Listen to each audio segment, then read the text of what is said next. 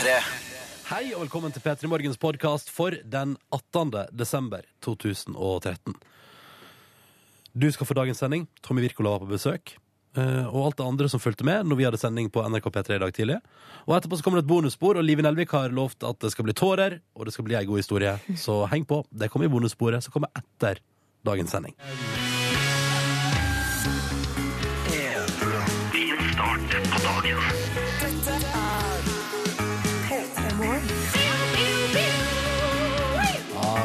er det bare et par dager igjen til jul, da, tenker jeg. Under ei uke til julaften, og jeg burde kjøpe i alle fall én julegave snart. Ja. Um, Kanskje du skal slutte å prate om det, og heller gjøre det. Stop talking, talk do, do the talk, do the walk. Ja. Ja, ja, ja. Eh, Velkommen til P3 Morgen. Jeg kan fortelle at jeg har hatt en litt uh, Eller jeg har en ibuende frykt, jenter. Live og Silje. Jeg har en ibuende frykt i kroppen min. Her på NRK her i NRK P3s lokaler har vi to toalett. Vi har et handikaptoalett, og så har vi et, det som da har blitt et herretoalett. Et- En liten bås. Jeg vil si det er en liten bås. Mm. Unnskyld. Uten noe særlig ventilering og sånn. Å, du er redd for at det skal komme bommelom i det lille Nei, toalettet? nei, nei, nå skal jeg fortelle dere, nå skal jeg fortelle dere noe. Fordi nå før sending så var jeg innom toalettet. Og selv om vi er de eneste på huset, og det ikke er noen andre her Når jeg går inn i det som gangen med toalettet der og ser at den døra inn til herretoalettet er lukka igjen, så får jeg altså så angst. Det knyter seg i magen, for da vet jeg at Jeg tenker sånn den som har tatt seg bryet med å lukke den døra der, har sannsynligvis noe å skjule. Og selv om jeg vet at det er sikkert timevis siden noen gikk på do der sist, Ja. så blir jeg litt sånn knytt, og så blir jeg redd. Og så åpner jeg døra. For av og til så kan det slå imot meg altså den verste lukt inne på det toalettet der. Ikke klokka seks Nei, nei, nei, men poenget var at jeg kjente på frykten også nå klokka seks. Ja. Også nå fem på seks kjente jeg på frykten. Eh, og det var ubehagelig. Og Men- det var sånn jeg startet dagen i dag på et vis. Jeg tenker at de som har noe å skjule eh, der inne på det lille toalettet, de burde egentlig tenke annerledes. For at det de gjør når de lukker igjen døra, er å eh, innkapsle lukta inne der, sånn at da blir den konservert er lenger. Så derfor så burde man heller åpne døra, sånn at lukta går ut i det store rommet utafor, og bare så til slutt så forsvinner den liksom fortere. Ja, vet du hva? Det her er Dette er noe alle driver med. Kan vi ikke bare Skal det være så flaut? Må det være så flaut? handler ikke om Nei. det handler ikke om at det er flaut, det handler om at jeg er redd for den lukta som kan slå imot meg idet jeg åpner den døra. Det er det det handler om. Ja. Mm. Eh, Så det vil jeg bare ta opp helt på starten av dagens sending. Sånn, da er vi i gang. Så Velkommen. bra! Silje Nordnes sitter og kveiler i seg en klementin. Ja, jeg skal gjøre det samme. Og det var veldig godt. For alt for å komme i julestemning. Ja. Eh, Du er velkommen til å tilbringe tre timer til endes med oss hvis du vil det, eller så lenge du har mulighet til å høre på radio gjennom denne morgenen her. Det kan jo variere litt for alle sammen. Og mens vi var inne på dette med toalett, så tenkte jeg at eh, aller først i dagens sending Her kommer The Toilet Band. Nei, men her kommer musikk som eh, Den plata til det bandet der, og den sto fast på i CD-spilleren min da jeg bodde ett og et halvt år i Halden. Så hadde jeg CD-spiller på toalettet som gikk på. Sånn strømmen gikk på hver gang jeg gikk inn eh, og skrudde på lyset på badet. Så jeg har dusja i ett år til eh, den låta her. Og den bringer faktisk fram fine minner. Det bringer fram reine minner. At jeg er skitten og blir rein, for eksempel. Dette er Rene minner for du får tømt deg, liksom? Eller? Nei, nei, det er fordi at jeg dusja, og så mm, Ja, hører okay, på. ja. Dette er Razor Light og helt nydelige America. Velkommen til oss i P3 Morgen. God onsdag den 18. desember. Jeg kan fortelle en bitte liten ting som jeg kom på i stad, Ronny. Det er litt morbid og litt sånn eh, rart, kanskje. Bør sarte lyttere skru av nå? Nei, egentlig ikke, for det er såpass Sier du som begynner eh, onsdagen med toalettprat? Ja, men det, det er toalettpraten som har okay. Sta, skapt minnene, eller det rota opp i minnene mine. Oi, er For Du sa jo at du Ja. av og til kom inn på do, og så er du redd, altså, du er redd for å åpne døra til do, for du er redd for hva som skjuler seg bak der. Ja, ja. Da jeg var lita, la oss eh, anslå kanskje 10-12 år, så så jeg en nyhet, en nyhetssak fra utlandet, om at noen hadde eh, født et barn på do. Og putta babyen oppi søppelbøtta. Ja. Og så bare gått derfra. Jo, men Sånne ting skjer av og til. Det er jo helt forferdelig. Men uh, ja, det dukker jo opp noen sånne historier av og til. Og så er det sånn at når vi har kjørt til Bodø på shoppingtur til Kjæve ortoped, eh, til fysioterapeut Nei, ikke fysio. Til kjeveortoped? Ja, Hvis man skal få tannregulering, så måtte vi kjøre 23 mil til Bodø. Og da stoppa vi alltid på Skjell på Fauske, og der, på doet der så var det toalett, og så var det ei søppelkasse rett foran toalettet. Og jeg tror at siste gangen jeg sjekka oppi søppelbøtta For å se etter barn? for å se om det lå en baby der, så var jeg altså over 20 år. Er det sant? Ja. Men nå har du klart å slutte med det. Nå har jeg klart Det var en periode jeg måtte altså, aktivt eh, snakke til meg sjøl når jeg gikk inn på det do og si sånn Du skal ikke sjekke i den søppelbøtta. Det er ikke en baby der. Nå Det er er, ingen som har dumpa babyen sin på skjell på nå er det på tide å skjerpe seg. Men det var en tvangstanke, rett og slett. Mm. Og det var altså bare akkurat på skjell på Fauske der at jeg måtte sjekke opp i søppelbøtta. Hvorfor det, Det tror er jo bra at noen sjekker. Ja, Det er jo bare lurt å Plutselig sjekke. en dag ligger det en baby der. Tenk så glad han er for at du, nettopp du kikka oppi der. Ja. Mm. Ikke for å dra dette lenger, men hvis du skulle altså, lagt en baby i søppelbøtta en plass i Norge, så hadde jeg jo valgt meg kanskje heller skjell på Fauske enn eh, sentertoalettet på Strømmen storsenter. Ja, riktig. Ja, Ja. Jeg vet ikke hvorfor du tenkte det. Men det er en bra bensinstasjon. Ikke fordi det er min foretrukne bensinstasjon på Fauske. Ja, ja. For der har man tre å velge mellom, og det, det er litt viktig at man velger seg én. Jeg syns det er fint at man tar litt ansvar. Så hvis du der ute hører på oss, du stopper for en liten frokostpølse på skjell Ja, jeg vet dere driver med det. Det er urge og pølse til frokost eh, Ah, mange. yeah! Da syns jeg du skal ta en titt i søppelkassa til din lokale bensinstasjon. Send oss gjerne melding med kodeord P3 til 1987 hvis du skulle finne noe annet gøy der. Ja. Ja, Kan det ikke være sånn, da? Jo. God morgen til deg. Vi har en SMS-innboks som du er hjertelig velkommen til å hive deg på. P3 til 1987. Og der ser jeg antar det du, Silje, som har merka to meldinger fra Siv her. Det stemmer, fordi Siv har skrevet eh, Tidlig i dag så skrev hun Hjelp! Eh, bussjåfør på opplæring i, bussen min sklei ut av veien på isen for ei uke siden, som jeg SMS-a dere om. Ja, Så det husker jeg jo at hun her Siv hadde jo vært ute på galeien for ei uke siden. Mm. Og nå eh, var hun også bekymra igjen. Fordi um, det var sånn bussjåfør på opplæring. Ja. Men så har vi fått melding noen minutter seinere. Hurra! Kom velberga fram. Det var flaks, da. Så jeg, jeg syns at det er så koselig at uh, noen lyttere, sånn som Siv her, føler at uh, at vi må få beskjed om at Ja. vi er liksom trygt framme. Men det syns jeg, da. Litt sånn som ja. når man, når man er på reise, så sender melding til mamma, for eksempel. Sier sånn 'Nå er jeg hjemme'. Vi blir, som, vi blir som en gjeng foresatte. Ja, Og det syns jeg er veldig koselig. Men jeg synes det er viktig, da. At måte, man kan ikke Altså, det gjelder jo oss som alle andre du sender SMS til. Du kan ikke sende SMS sånn ute på noe skikkelig heavy greier. Uh, vet ikke om jeg kommer fram uh, velberga. Da må, må også vi, i likhet med alle andre i kontaktlista di, få den SMS-en der det står 'det gikk bra'. Ja. Uff, jeg går gjennom denne parken. Uh, det går en mann bak meg. Ja. Ikke noe mer. Det, det, sånn, det viste seg at det var broren min! Ja. Det, den meldingen vil vi gjerne ha etterpå da. Hvorfor går broren din bak deg i en park? For han har humor. Ja, Vil skremme deg. Ja sånn, ja. Det er Sånn fett. typ, det er ikke min type humor. Ikke min heller. Sånn skremmehumor, det er oh, ja, jo, det det er, min, det er min humor. Beklager, nå må jeg trekke meg. Det er absolutt min humor. ja, det er det. Det vet jeg at det er. Ja. Eh, også Alexander ville bare understreke ønske oss god jul og godt nyttår og understreke at, eh, som det står her eh, Silje er kjempeflink og pen jente. Å, takk for det. Ja. Skal du ikke Ja. Silje er kjempeflink. Og pen, altså pen, absolutt, men liksom, hva bunner det Du er jo flink også. Men hva, liksom, hva er det som trigga det nå? Nei, At det, er du, et, det er et men der.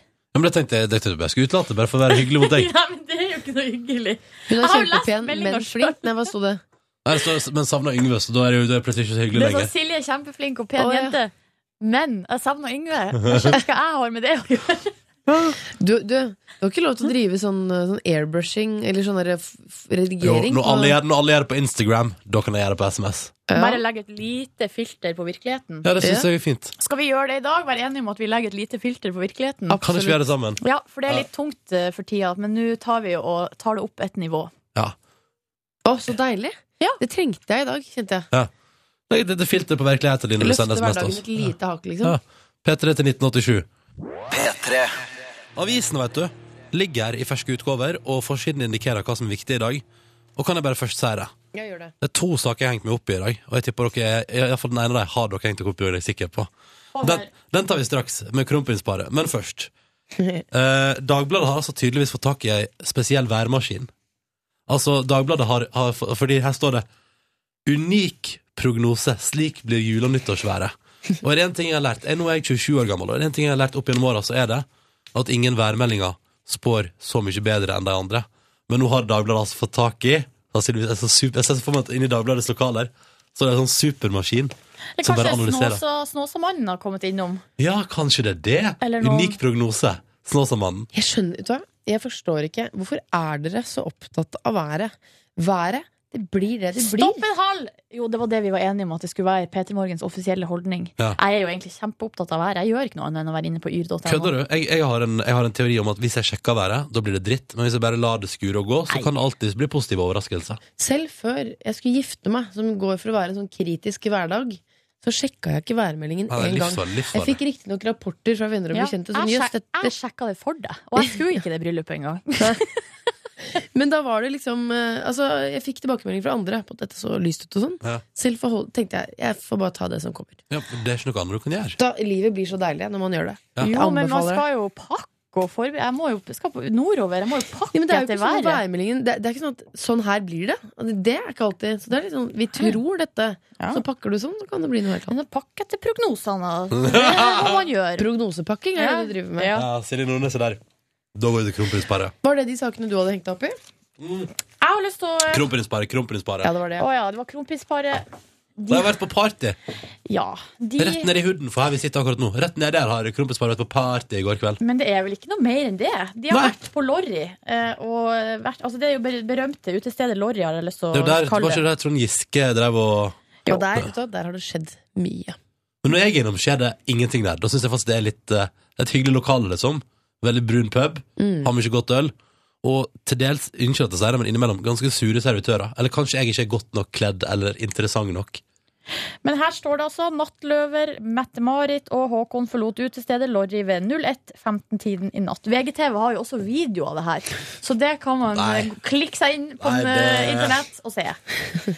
Eh, Men jeg har egentlig mer lyst til å snakke om at Flåklypa knuser Hollywood. At på Kinotoppen i Norge i høst så har det vært ganske begredelig for Hollywood-filmene, Ja. mens det er Flåklypa Grand Prix, norsk film, eller det er Solan og Ludvig Juliflåklypa. Ja, ja, som er på en soleklar første, førsteplass.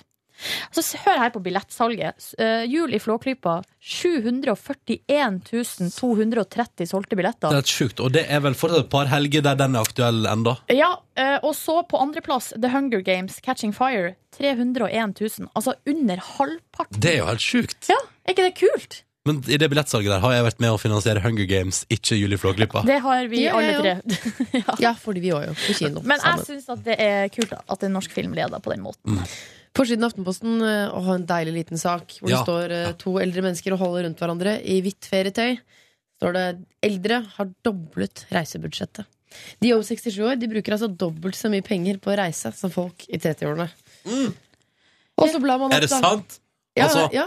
Så, så pensjonistene bruker dobbelt så mye på ferie? Som blir det, mye mer penger nå, og så har de tiden, ikke sant? Jeg syns ikke det er noe rart, for de, har jo, de jobber jo ikke, så har jo all verdens av tid til å reise. Jeg jeg blir helt sånn Jeg blir altså så feriesjuk når jeg ser dette. Uh, for du skal pensjonere deg med en gang, skal jeg si? John og Lill de spiser frokost på terrassen i Alicante inni, inni avisa. Nei! Det ser altså så deilig ut! Ja.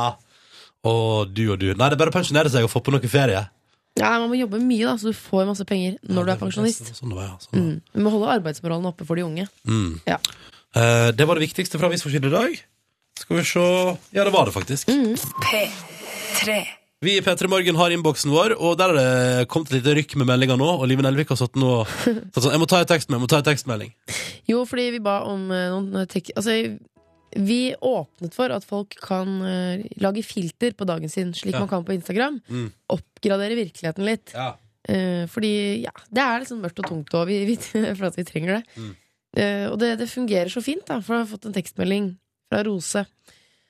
Spratt opp halv fem. Trent siden da. Nå lager jeg havrepannekaker toppet med selvplukkede bær. Jeg har fryst ned fra sommeren.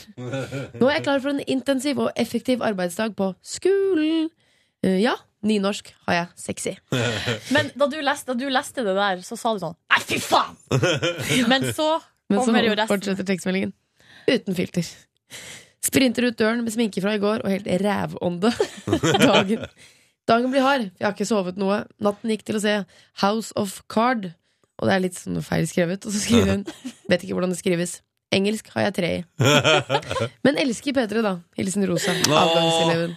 Ja, det, men det funka så bra Ja. å bare legge på en liten touch av noe sånn Hva heter de der ulike filtrene? Jeg vet bare at et heter et eller annet med X, og det er dritbra. Ja, og eh, det funka bra å legge på et lite filter på Ja. dagen. Jeg er, såpass, jeg er såpass lat på Instagram at jeg alltid bruker det første filteret jeg kommer over. tror jeg Det som er liksom nummer én. Ja, Det er ja, sånn, å, der, er- der, er- det, det var fint. Lyst Ja, og jeg har fint. ikke noe favorittfilter. Og eh, vet dere hva, dere? Mm. Skal jeg si dere noe? Ofte bruker jeg ikke filter. Veldig ofte. Men da må du bruke hashtaggen no filter, Nei, det er det jeg ikke gjør. Nei. Ikke det engang. Jeg bare kjører naturell. Ja. Det er ganske modig. Hashtag naturell. Mm. Liv Nelvik, hashtag naturell. Du er ei modig dame. Tusen takk. Det du har uh, Ja, du Jeg vet det. Ja, mm. Skal vi se, er det noe mer interessant i, um, i innboksen her? Masse koselige tekstmeldinger, da. Det er for eksempel um, Det her liker, den her liker jeg. Ja. Eh, det er så deilig å våkne frisk og opplagt. Barna har sovet hele natta, forkjølelsen ble borte over natta. Love you, god jul, hilsen Stig, som da hadde redd ett sekund før han hadde sendt ny tekstmelding og skrev sånn Næt! Ja, han lagt på et lite filter. Kjørefilter. Jeg elsker det. Ja, ikke sant? Mer filter, ass. Og her, for eksempel. Uh, tusen takk for filter. Nå er det ikke lenger kaldt. Blåser, og bussen er også varm inni. Hvis nå hjernen min skjønte at jeg har filter. Linda, Åh, Linda tenk, om, hadde- tenk om hjernen din bare er sånn Ja, det er varmt i den bussen her. Ja. På innsida. Mm. Men det er litt sånn piken med svovelstikken igjen, er ikke det? At plutselig blir det varmt der ute. Det er livsfarlig. Det er livsfarlig. For Linda, altså. Hvis hun begynner å innbille seg. piken ble vel aldri god og varm. Hun Nei. bare begynte å se syner og sånn. Ja, Ja, hun var vel, vet du hva, hun var tvert imot iskald, for hun frøs i hjel. Ja, hun døde jo. Ja. Verste Det er andre gang vi må snakke om dette eventyret. Ja, men Hva må poenget- bare, hva må bare lese det, Ronny? Men poenget mitt var at hvis Linda begynner å hallusinere Hallusinere, Ja. Sånn som eh, piken på sol. Ja. Ja, skjønner du hva jeg mener? Mm. At da hvis at liksom bussen, bussen plutselig blir varm inni, da Linda er det fare på ferde, da må du kle på deg enda mer. Plutselig står moren din der med en deilig kalkun og skjærer opp. Ja, da, må du, da må du trykke på stoppknappen. Skal vi nå på tampen komme med noen motiverende ord til Tømrerjokke og alle andre som eh, jobber tolv timers lange dager nå like før jul? Ja. Han sier Tømrerjokke her. Han har egentlig lyst til å slenge inn en sykemelding, men det går jo ikke. Nei, det, nei, det går jo ikke. Det går ikke. Så, det, så um, og det er altså en sliten hilsen fra Tømmerjokke som ønsker seg motiverende ord. Hva skal det være? Eh, hva med Gled deg til januarlønninga?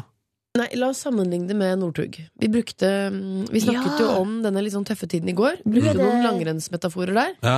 Det er jo som om Jokke, Jokke. Det er som om Northug Han ser eh, mållinja, Ja.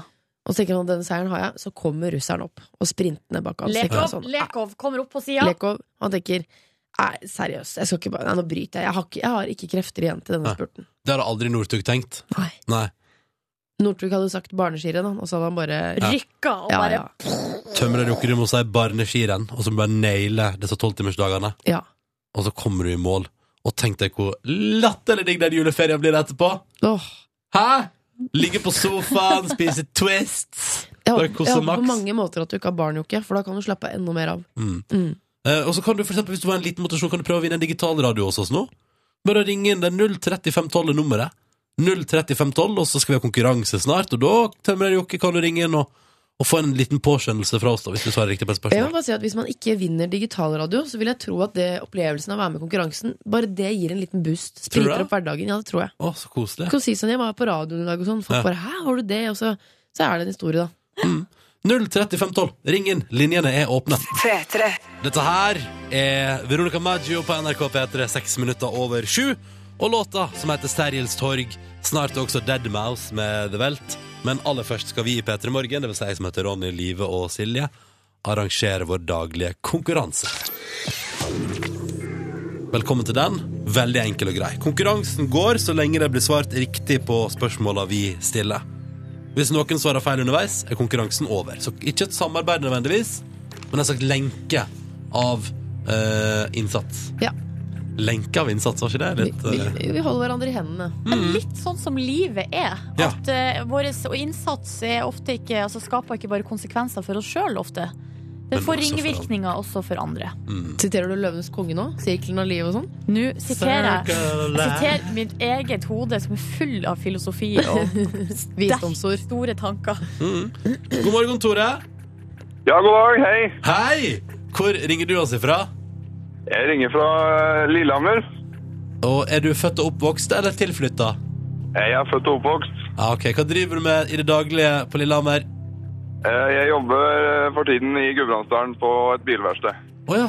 Snekra på bil. Er det mye å gjøre fram mot jul? Snekker. Nei, det er sørgelig lite, faktisk. Oh, ja. Men man snekrer vel ikke på bil, Tore? Man? Nei, man snekker ikke, men eh, ja, Mekker. Skjønte hva man jeg gjør det mente. man kan. Ja. Tore skjønte hva jeg mente. han. Så det er bare greit. Er du ferdig med alle julegavene? Eh, Det er ikke helt håpløst når det det gjelder julegaver. Er det noe vi skal hjelpe deg med? Noe til kona, dama? Eh, Ja, egentlig alle. Ja. Vær så god. ja. Livet? Ok, nå går jeg for ting jeg selv har ønsket meg, eller ønsker meg. Ja. Hva med sånn vekkerklokke med, med stigende lys? Sånn til mørketida, liksom? Det er kanskje litt uromantisk. Ja, den var ikke dum. Nei? iPad Mini? Jeg bare. Eh, ja, det, ja, men eh, nå, Det er kanskje litt dyrt. Ja. nå syns dere kanskje det tar litt av her, men Ikke sant? Ja, men er bra, da har Livet kommet med to tips fra sitt liv. Ja. Ehm, og så kan du vurdere hva du vil gjøre med deg, Tore. Velkommen til konkurransen. Vi har også med oss Stian, hallo. Hallo, Hvor ringer du fra, Stian? jeg ringer fra Molde. Ah, så da har vi med oss Lillehammer og Molde på tråden. Hvordan er, hvordan er Molde i dag? Jo, det er greit. Litt glatte veier, men eh, ellers greit. Ja. Men du, har- øh, har du Molde-dialekt? Jeg syns ikke jeg hørte noe i der. Nei, det er ikke noe Molde-dialekt. Nei. Hvordan, eh, hvorfor har du havna eh, oppi der? Nei, det var da noen damer og noe greier da, vet du. Ja, ja, ja. Selvfølgelig. Si meg, er det noen du kunne trenge tips, julegavetips til? Er det noen du Mamma. Mamma. Ok. Ja. Du, Asbjørn Settemark var innom og anbefalte boka Kumlelandet. Kan det være noe? Eh, det kunne kanskje vært noe. Ja. Hvis ikke så har jeg et uh, finfint boktips, øh, Stian. Og det er Ja. en bok som heter uh, Flink pike. Den les, okay. den leste jeg, anbefalte til moren min, og mutter'n elska den. Ja. Veldig spennende. Ja, men da tror jeg kanskje vi skal satse på noe sånt nå. Ja. Gjør det. Flink pike. Ja, Ja. jeg tror det var det. Da har både Tore og Stian fått seg litt uh, sprikende uh, julegavetips her i P3 Morgen. Straks skal de prøve å vinne seg en gave til seg sjøl, en digital radio og ei P3 Morgen-T-skjorte. Hva er det du ler av, er, det er en veldig visuell sak, men det er jo noe som heter Pinterest. Det er egentlig ikke dette vi skal snakke om. Men Skal vi prate om fenomenet Pinterest? Pinterest er jo en sånn eh, liksom inspirasjonsside. Man har en konto på Pinterest, og så sitter du og surfer på sånne glamorøse sånn flinkisblogger Mm. med folk som putter barnet sitt i et gresskar og tar nydelige bilder og lager de fineste muffins og har det nydelig hjemme og sånn. Mm. Og så trykker man sånn Pinterest på den siden, for da så samler du opp da de fineste bildene du finner på internett på din konto, så kan folk finne inspirasjon. Mm. Og så har det, er, det, er det laget en sak hvor det er sånn Dette var på Pinterest, og så har folk prøvd å gjøre det samme, men så har det ikke gått så bra. Nei, det har feila altså så ekstremt. Det er for eksempel bilde av en litt sånn chubby baby oppi et gresskar. Sånn utrolig søtt, selvfølgelig. Sånn Nå! Mm. Og så er det de har prøvd det samme, hvor ungen sitter sånn Den sitter bare og hylgriner med oppi det samme gresskaret. Funka ikke. Og så er det for eksempel eh, to par nydelige speilegg oppi en utskåret paprika. Ja. Uh, og under så er det bare vet ikke jeg, Det ser ut som noen har kasta opp speilegg i en stekepanne med noe paprika. Ser det litt sånn ut sånn som når du stekte speilegg til Hellstrøm? Ja, ikke så bra, med Sånn, andre ord. ikke så bra, med andre ord. Kan vi ikke legge den ut på Facebook-sida vår, så kan folk sitte og le og kose seg, de også? Det er det vi skal. Det kan vi gjøre. Skal vi le over andres uh, mislykkethet? Ja, vet? Ja, men vet du hva? Nå før jul, det går så trått uh, i livet mitt for tida. Uh, det er forkjølelse, og det mangler julegaver, og det er masse jobb fram mot fredag og sånn. Ja, vet du hva? Da Da, anbefaler jeg da, da syns jeg at jeg kan le av at andre har mislyktes litt. Gå inn på den saken. Vi legger den ut på Facebook-siden vår. Det vi egentlig skulle snakke om, det var en sak i Dagbladet. Eh, fordi det står denne uka så bulker vi hvert eneste minutt. Eh? Rundt juletider. Ja, for vi er altså så stressa. eh, og alle er ute og kjører og fikser og ordner. Og derfor er det altså gjennomsnittet er at man bulker hvert eneste Ikke mann, men altså det blir bulka hvert eneste minutt. Akkurat nå, så nå blir det bulka. Så hvis det blir bulka nå, da skal jeg si fra neste gang det blir bulka. Ja. Ja. Eh, og her, sier du det, altså? her er det en sak om Arne Wold. Sant! Skjønner du, Da kan vi le av andres uh, mislykkethet. Yes! Bulkas ja. du hele tida. akkurat få bulka bilen sin. Det er ganske, det er ganske kjipt. Men Arnevold han fant en lapp fra noen som hadde sett bilen hans bli bulka. Altså Bilen hans sto parkert, han var ikke der. Den blir bulka, og så stikker synderen. Men så er det et vitne som skriver Aha. ned bilnummer. Bra. Pinlig, eller? Eh, Kjempeflaut. Man prøver å stikke av eh, og prøver å komme unna. Og, og vedkommende som har bulka bilen til Arne, har jo sikkert trodd at bare yeah, smooth. Yes, he's not here, I'm gonna win this. Ja, nå har jeg sluppet unna, og så går det liksom en liten stund, og så viser det seg at nei, har ikke sluppet unna likevel. Noen har sett at du har prøvd å snike deg unna. Der ble det bulka igjen. Å, det er så vondt! Nå ble det bulka. Det er så vond telefonsamtale. Telefonen ringer. Ja, hallo, det er Live. Ja, hei. Det er Arne Wold som ringer. Jeg hører, eh, hører at det er du som har bulka bilen min. Hm? Hva?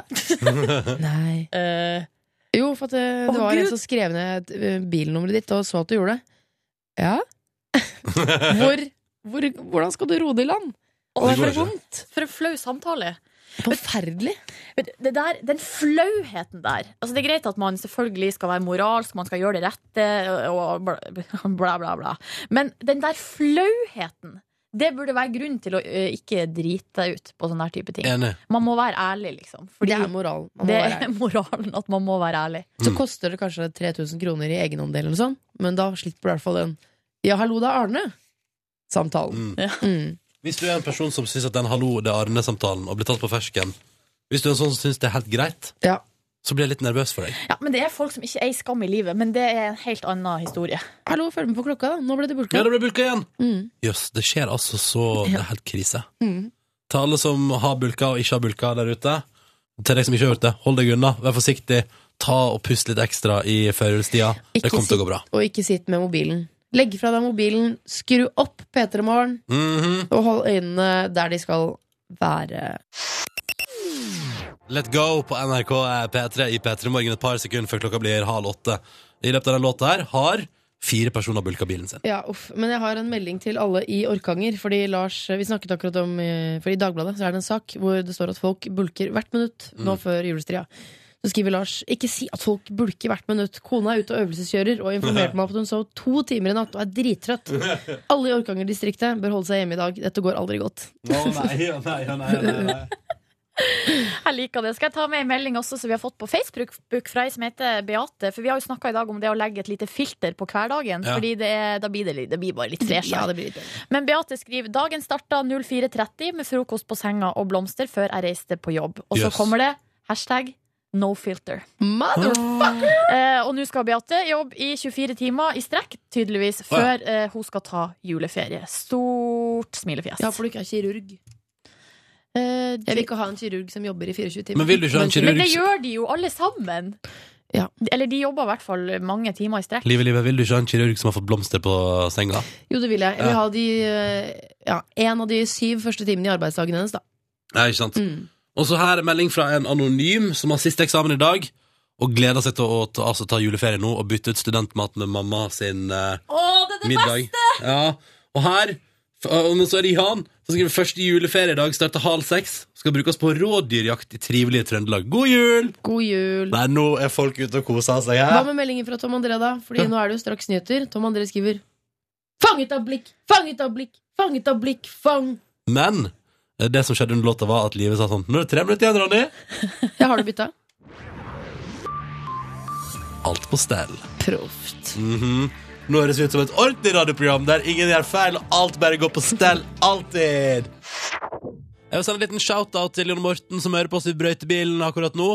Sitter og skufler snøen ut av veien, så folk kan komme seg forbi, og høre på Petter i Morgen. Og så liker jeg at han eh, tydeligvis eh, at han hører på oss når han sitter i, eh, i brøytebilen, og så likte jeg at det, så, han liker programmet vårt jævlig bra. Stå på! Det syns jeg var hyggelig. Det var hyggelig, Jon Morten. Hei. Hello. Ja. Hello. Hei, går det bra med dere? ja, det går bra med oss. Vi sitter bare og venter på at vi skal avsløre dagen sist. Ja. Ja! Live Nelvik, vil du do the honors? ja, altså, vi får besøk av en um, kjent skuespiller og regissør. Uh, han, altså, han gjør det dritbra om dagen. Mm. Jeg vil ikke si noe mer før vi har hørt stemmen hans. Og la meg si det sånn, han var oppe ganske tidlig i dag og har spilt inn en morgenhilsen til oss. Hei, det her er han Tommy, og klokka er nå kvart på fem. Kan se ut som jeg er litt jetlagd. Uansett, gleder meg å være gjest på P3 Morgen, og vi snakkes snart. Sånn er det når det går bra. Da reiser man hit og dit og Hollywood, og så kommer man hjem, og så får man ikke sove. Det er altså snakk om Tommy Wirkola, som er gjest hos oss i dag. Han er aktuell med Kill Buljo 2, som har altså gallapremiere i kveld. Og så er det ordinær premiere på fredag den 20. Så har han jo regissert eh, Hollywood-suksessen Hands and Gretel. Eh, og da tok Gikk, han jo gikk jo så det suste den, da. Tjente Ja. altså masse cash. Og da tok han jo altså dette kjente eventyret, Hans og Grete, og så var det bare guns and sex and Witch flames. Hunters! Ja. Oh. Ja. Um, og det, det ble jo kjempesuksess.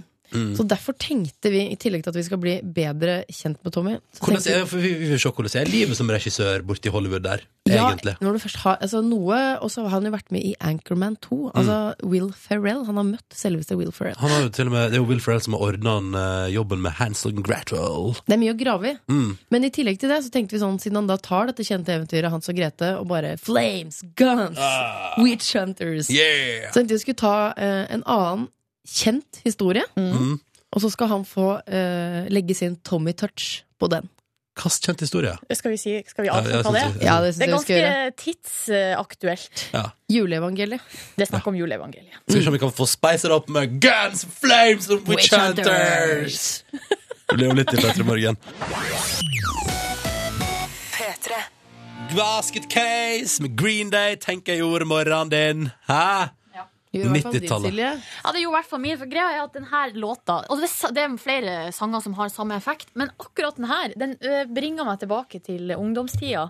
For at jeg så Altså Green Day generelt har alltid gitt meg så sjukt lyst til å være Nå stiller jeg meg opp her. Å Være sånn som han vokalisten, og ha liksom gitaren litt lavt. Altså helt nede på lårene, nesten. Ja. Og så bare stå sånn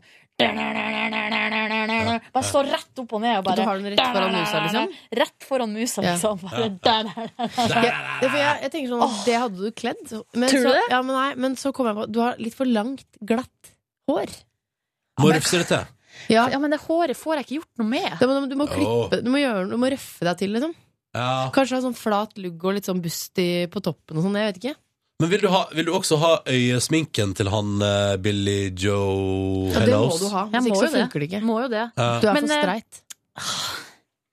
Ja, men det er det som er at det har jeg egentlig alltid visst. Jeg er altfor streit for å være sånn eh, rockestjerne med sånn lav gitar. Men Ja. eh, det er jo lov å drømme, da.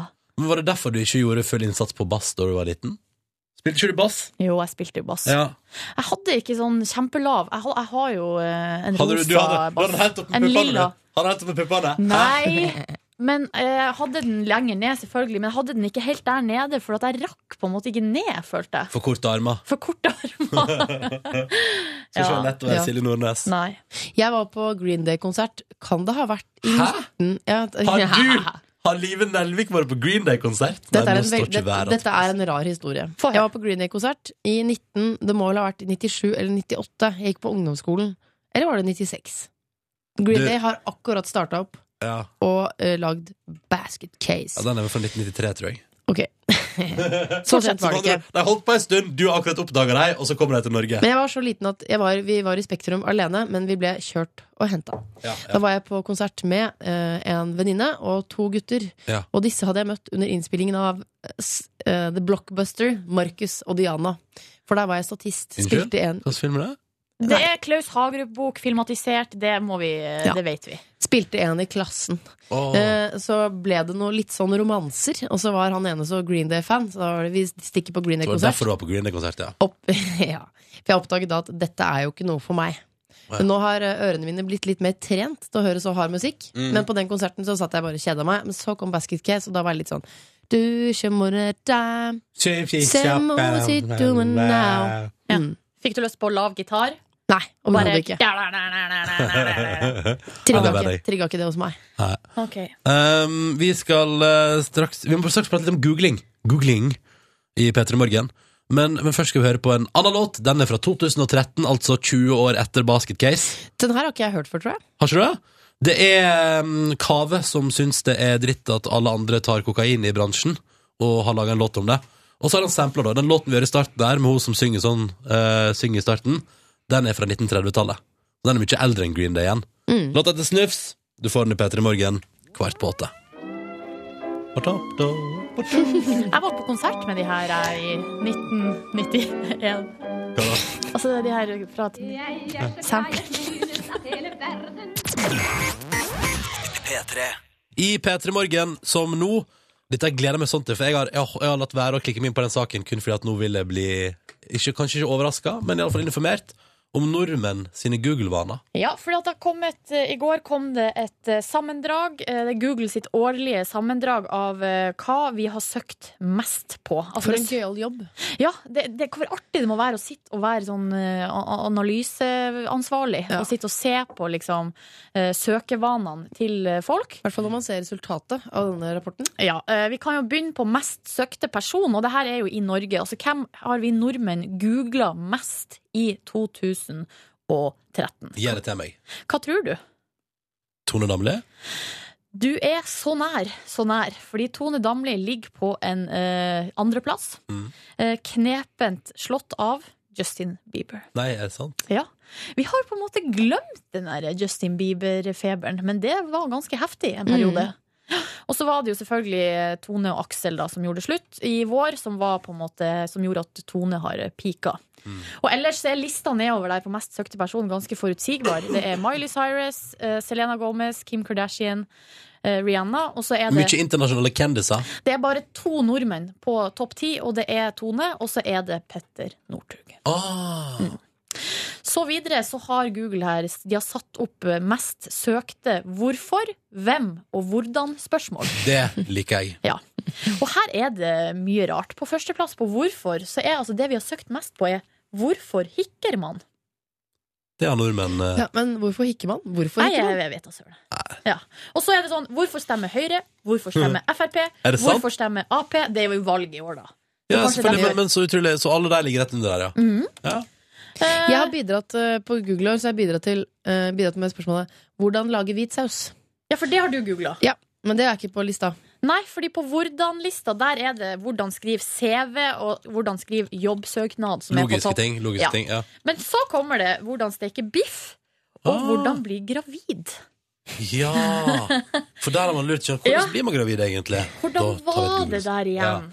Men er det sånn at eh, fi, altså er det fireåringer som ikke, har fått, eh, som ikke vet hvordan verden funker? Som ikke skjønner, hvordan be- blir man ba- baby? Ja. Eh, men er det voksne mennesker også som lurer på hvordan man blir gravid? Tydeligvis. Tydeligvis. Eh, og så kommer, annet, så kommer det sånn hvordan skrive oppsigelse, hvordan regne prosent. Det er ganske sånne gode spørsmål, fordi man kan glemme det, liksom, hvordan man regner prosent. Ja. Men så kommer det hvordan koke egg. Ja, men sant, dette der forstår jeg folk lurer på. Tenker sånn, Hvordan var dette her igjen, egentlig? Ja, Jøsses. jøsses, det sier jeg òg. Da har man ikke kokt så mye egg. Nei. Eh, og så til slutt så er det jo da hvem-lista. Ja! Eh, og der er det også ganske vanlig sånn hvem eier bilen? Og Det er jo hvis man har blitt bulka, da. Vi har snakka om bulka i dag. Ja, ja, ja. Så kan man søke opp registreringsnummer. Hvem ringer? Hvem eier eiendommen? Det er ganske sånne eh, forutsigbare. Men så er det på andreplass hvem er jeg? Oi! Så utrolig djupt. Men hvorfor ikke spørre Google, tenker jeg.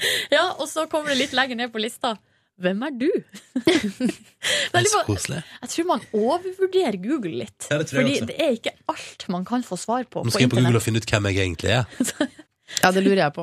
Hva skjer hvis man googler 'Hvem er jeg'? Prøv. Hvem er jeg? Skal jeg si hvorfor vi hikker? Eller altså, hikke er sånn uf ufrivillige muskelsammentrekninger Ah. i mellomgulvet. Sånn Kortvarig hikke. Det kan utløses av kald. Eh, kald drikke, hurtig matinntak og alkohol. Så kan du ta start.no-quizen. Hvem er du egentlig? Ja, Google ut, har altså. svaret på alt. P3. God morgen til deg, og god onsdag. Stas at du hører på oss i førjulstria. Håper det går bra med deg der ute. Og så håper jeg at du er klar for at vi straks får besøk.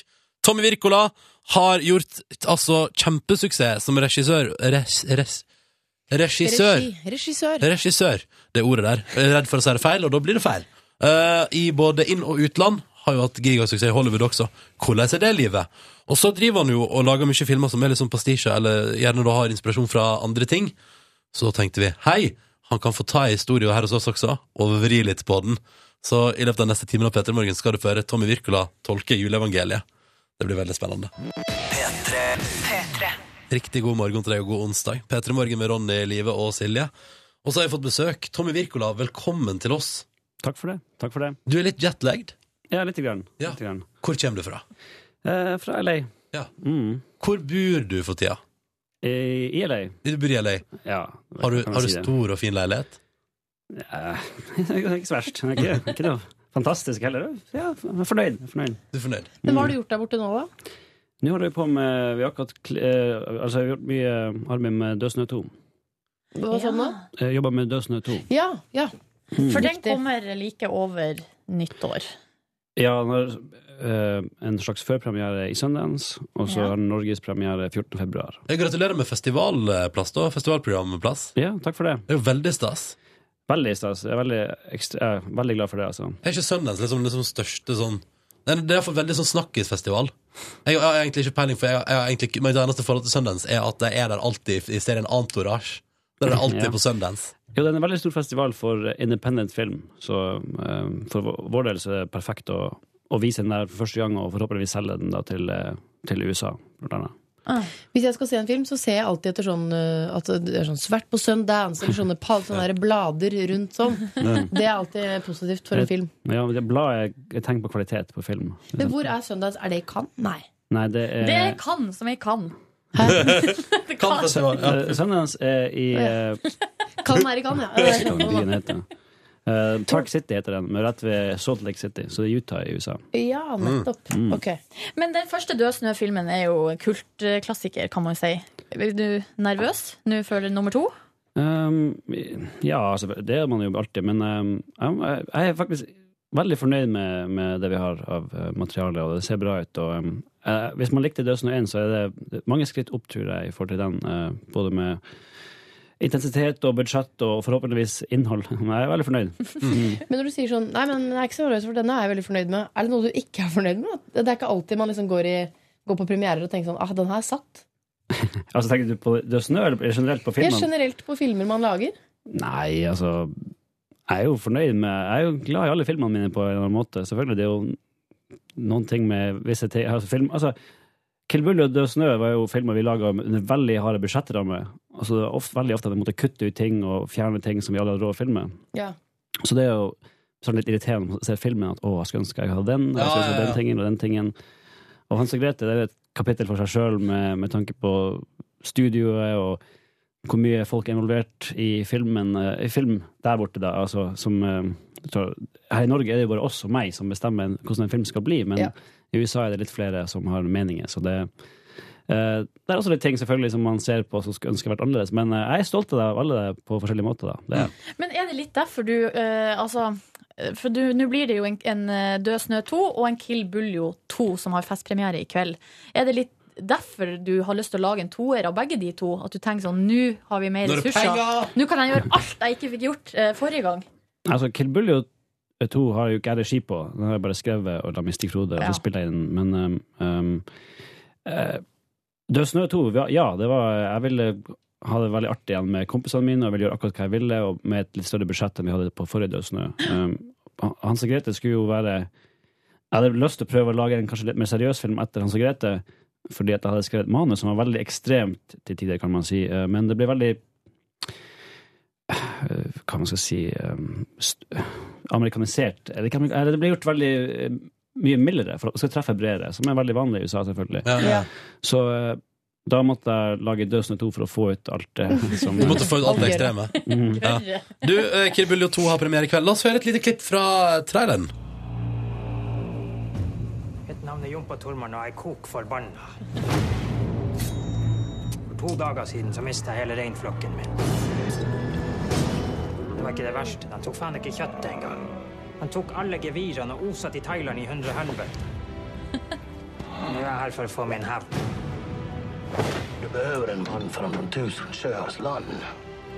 Du er spanjol. Ja, du, Jompa reiste til Thailand i toeren. Hæ?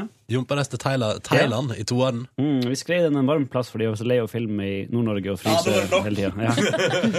hvordan var det da å være på filminnspilling i Thailand? Det er veldig morsomt. Det Samla gjengen igjen og bare masse kompiser som har det artig og bor i Thailand i noen uker. Det er jo ikke noe galt, det. altså. Og så var det deilig å ikke ha regi. Ja. Det var deilig å ikke ha regi for en gangs skyld. og ikke Så du bare skrev skrevet den, eh, og så bare sa sånn Noen andre får gjøre dette. Jeg skal bare eh, drikke øl og gå på stranda og spille litt scene innimellom. Mm. Er det ikke vanskelig å ikke altså, Har du blanda deg litt inn i regien? Er det, er det ikke vanskelig å slippe det helt? Jo, jeg blander meg litt, selvfølgelig. Det... Veldig mye, høres ut som. Nei, men altså, Vegard er veldig Han jeg, jeg vil jo tro at jeg har litt å komme med bare på bakgrunn av det jeg har vært gjennom, så jeg prøver bare å hjelpe. Men Ja. kanskje det var litt irriterende av og til, jeg vet ikke. Men uh, ja, selvfølgelig, det er vanskelig. og Det er jo det jeg starta med, Kill Buljo, så det, men nei, Vegard har gjort en fantastisk jobb. eh, Det er Vegard Hoel som er altså regissøren. Han har også regissert Helfjord, som du også skrev manus til. Ja, han regisserte en av Ja. Var det en slags sånn der prø-testing? At du testa han ut? Ja, det var faktisk det. Vi laga han en episode for å Men vi vis, han har jo regi, ja, regi på både teater og reklamefilmer, så han har erfaring der, han. Ja. Dyktig fyr. Uh, Tommy, vi må prate mer med deg, og vi er jo litt nysgjerrige på dette livet borti Hollywood der. Men først skal vi høre på Kids with Apocalypse på NRK P3. Og vi i P3 Magna har besøk av regissør Tommy Wirkola, som er litt små jetlagged på vei, eller fordi han har kommet hjem fra LA for å ha festpremiere på Kill Buljo 2 i kveld. Og så er det vanlig premiere på fredag. Og så ligger Død snø, det er den du har jobba med i LA i det siste, for den eh, liksom, gjør dere siste justeringa på før den kom, og skal ha Død snø 2 skal Død, sies. ja, Død snø 2, Ja. ha- som har da eh, på en måte premiere på Sundance-festivalen. Nå skjer det mye, Tommy. Hvordan er livet i Hollywood? Bredt spørsmål. Bredt spørsmål. Ja, nei eh, Det er jo artig. Eh, altså, jeg, jeg jobber mest når jeg er der. Det, hører, det er ganske kjedelig, akkurat. Men igjen, eh, det er jobb fra morgen til kveld. Seks dager i uka oftest. Så, uh, men jeg trives bedre og bedre. I starten var jeg, en, LA en litt rar plass å, å bli kjent med og, og Veldig komme inn på. stort. Veldig stort og spredd, og kjøre bil overalt. Og folk der borte er jo litt ja, nei, altså, Det tar en stund med å bli, å, bli glad i plassen, men jeg, jeg, liker, jeg liker det mer og mer. Så godt å høre. Har det blitt en sånn type fest? Når jeg ser for meg lei, så ser jeg for meg folk som sitter sånn i bilen, snakker telefon, sprenger på tredemølla, snakker telefon, drikker kaffe, bare bam, bam, bam, bam, bam. Men se på han da, Silje. Du har, du har ikke blitt en sånn type. Eh, nei, det- jeg tror ikke, det er mer sånn produsent det, hører, ja, det er mer en klassisk produsent som er konstant på telefonen. Ja, ok. eh, Men man bruker veldig mye tid i trafikken. her. Det, er- man føler som man kaster bort mye av livet sitt i, i bilen der. Men eh, um, jeg, jeg prøver også eh, Nei, jeg- produsent det er, liksom, det er den klassiske Hollywood-typen, Ja. og det er mange av dem. Og alt handler om film 24 timer i døgnet. Det, I starten syntes jeg det var veldig artig å komme dit, for det her i Norge så er det kanskje ikke, opplever ikke det. men etter hvert så er det også veldig slitsomt. og Uansett hvor du drar, uansett hvordan fest eller hvordan sammensetning du er på, så er det bare filmsnakk og budsjetter. og altså, det, blir litt ensformig i lengden. Men du virker jo fortsatt som en veldig jordnær type, Tommy. Eh, til tross for at eh, altså, Hans and Gretel eh, den omsatte for nesten 1,4 milliarder kroner. Ja. Men den fikk veldig hard kritikk da den kom ut. Eh, Ja. hvordan, hvordan var det? Nei, det er, jo, det er selvfølgelig ikke, det er jo ikke hyggelig. Men igjen, det var en film vi visste at det ikke kom, kom til å varme kritikerne sine hjerter. Så eh, det at den gjorde det bra, og at folk likte den, det var jo selvfølgelig det viktigste. Mm. Eh, Men eh, det er jo ikke noe artig når, når det skjer. eh, Men jeg har veldig flaks med at folk bestandig har likt filmene mine. Eh, Ja. Så, og det er jo det viktigste, tross alt. Så er det på en måte bare å peke på, peke på kontoen, og, hvor det står 1,4 milliarder. Ja, og det er jo um... Ikke på din konto, eller? Nei, nei, nei. dessverre. Men eh, eh, den, altså, den uh, gjorde det veldig bra. Den lå på eh, altså, I hele verden så gjorde den har solgt mye DVD-er, så de vil ha en til. Vi skal jo holde på å skrive en til nå, så Der sitter du liksom med det òg innimellom alt det andre nå og skriver en uh, Hans Gretel 2. ja, jeg har skrevet et manus på den som vi jobber med nå.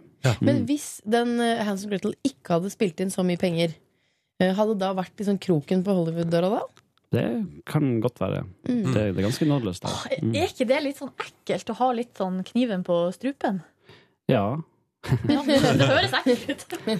det er klart det er det. Det er mange som eh, drar dit og får lage en film, og så skjer det ikke noe mer. Uh, det, det er mye press, og, mm, og den, spesielt den delen med at også det er mange andre som skal ha fingrene på filmen din, er veldig uvant for oss som kommer fra Europa. Så, eh, så det kan være litt tricky av og til. Men hva er det de skal bestemme, de her eh, lange fingrene som kommer ned på, på filmen din? Det er jo, alt handler jo om et produ- altså, Det er jo penger det handler om, og de vil at filmen skal nå ut til flest mulig folk.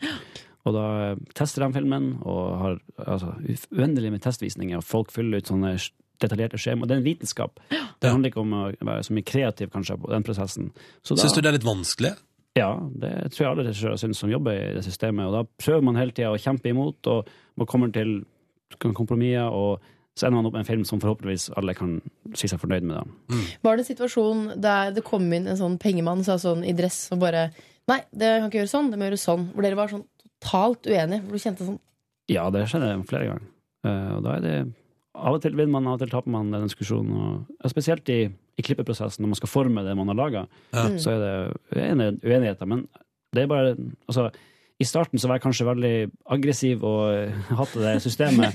Ja. Men etter hvert så skjønner man at det er sånn Det gjelder alle. Det er, det er sånn systemet er. Og klart at når studio betaler 60 millioner dollar for en film, så har de noe de vil si.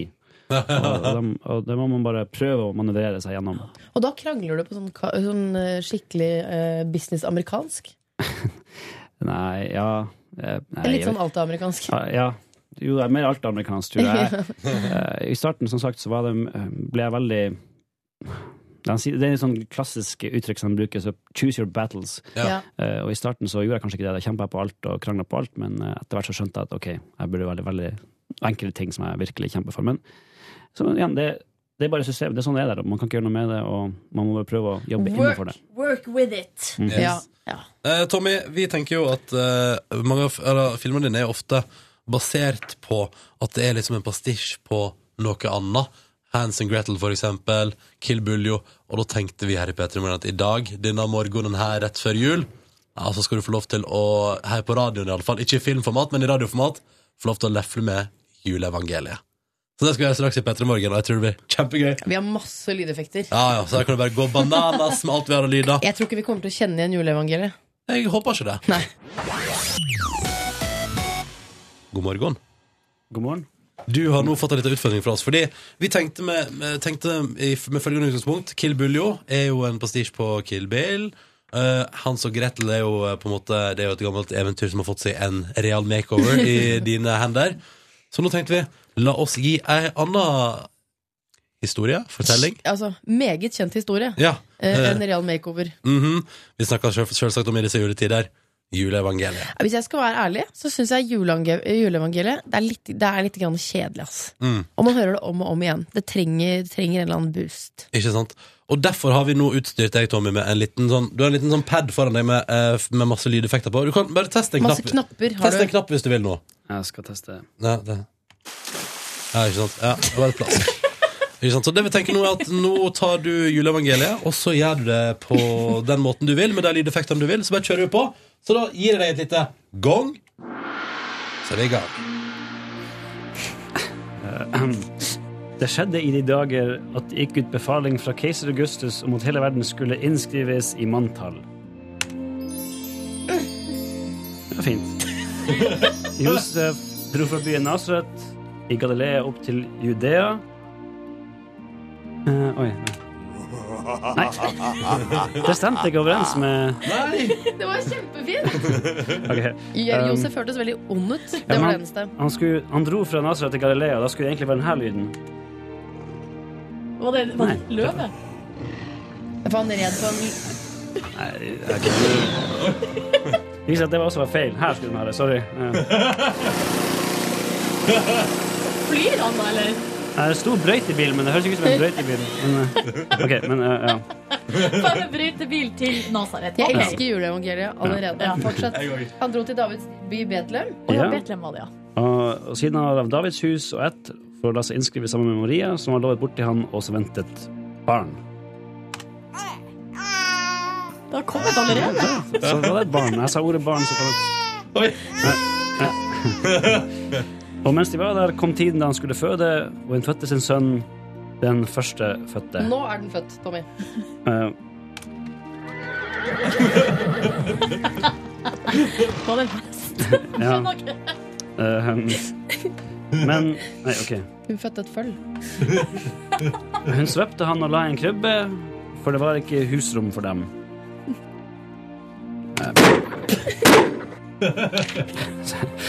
Hva da? Skjøt de seg inn, da, eller? Mhm, de, ja, Ja, de ble nektet inngang. de hadde ikke nøkler. Og Det- Ja. Det var noen gjeter der i nærheten som var ute på marken og holdt nattevakt over flokken sin. En flokk med dinosaurer, tydeligvis. um, mens Oi. Ja. Med ett sto Herrens engel foran dem, og Herrens herlighet lyste om dem. De ble overveldet av redsel, men engelen sa til dem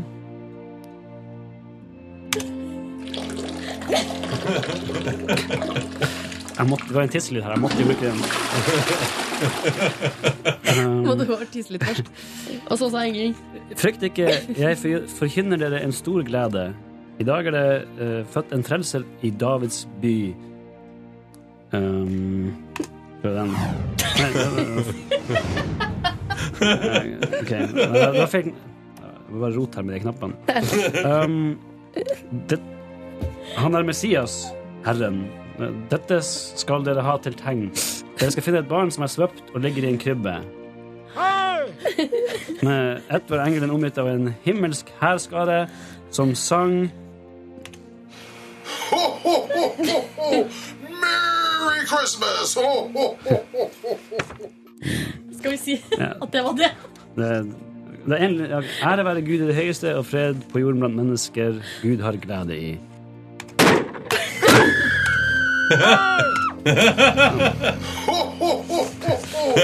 Merry Christmas! Jeg tror det ho. Fin avslutning der, syns jeg. Jeg har vondt i magen.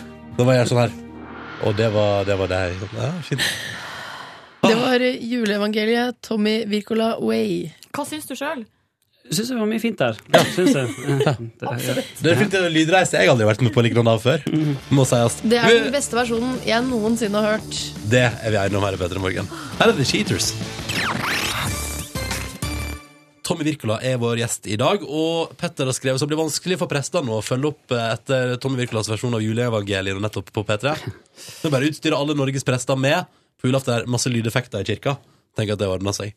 Eh, Tommy, du skal få lov til å delta i vår spørsmålsstafett. Og i går hadde vi besøk av Asbjørn Slettemark, som eh, jo er jo kanskje Norges største Anchorman-fan. Elsker de eh, filmene.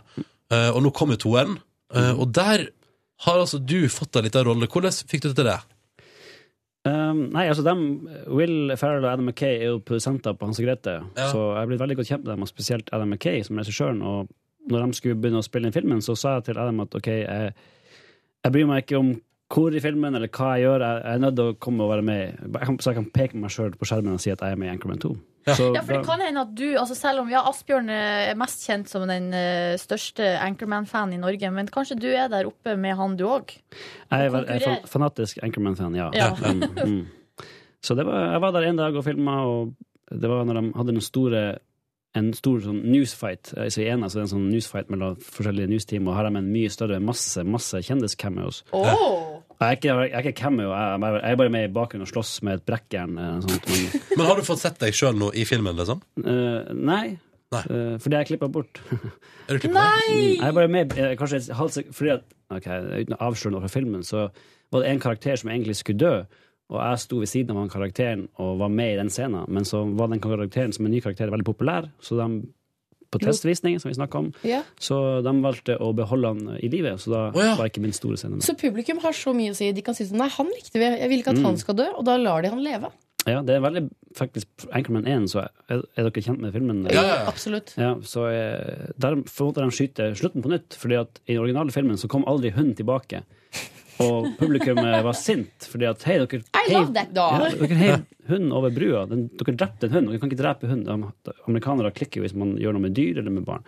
Ja. Så da var den å skyte en helt ny scene der hunden kom og redde dem. da Så, eh, Ja, ja, ja. Men eh, det var en fin dag på sett. Jeg sto faktisk uh... Men vi må jo ta spørsmålet Ja, fra Asbjørn. ja, ja. For Ja, Asbjørn ja. Slettemark i spørsmålsstafetten har følgende spørsmål til deg, Tommy.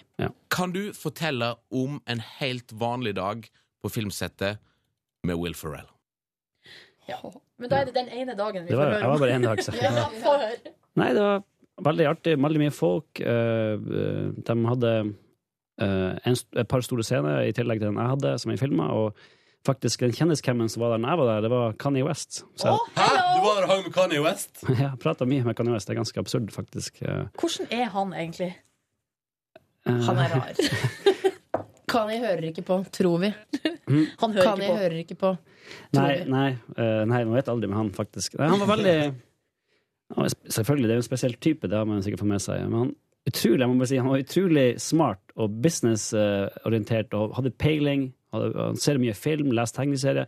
Altså, jeg sto og pratet med han i et kvarter, kanskje, og da hadde jeg sikkert fortalt om tre filmideer som han skulle gjøre. Så, så gode ideer. Og Yes. en egen kino som han har lyst til å designe. OK, så det har fullt Texas der, Men vet du at eh, Kanye West og dama hans, altså Kim Kardashian, de skal nå bygge et hus som er en replika av Downton Abbey. Så han har helt klart eh, store, store tanker. Ja, Ah, han tenker stort. Ja. Det gjør han. Men, Men eh, var Will Ferrell der og han også? Ja da. Ja, da.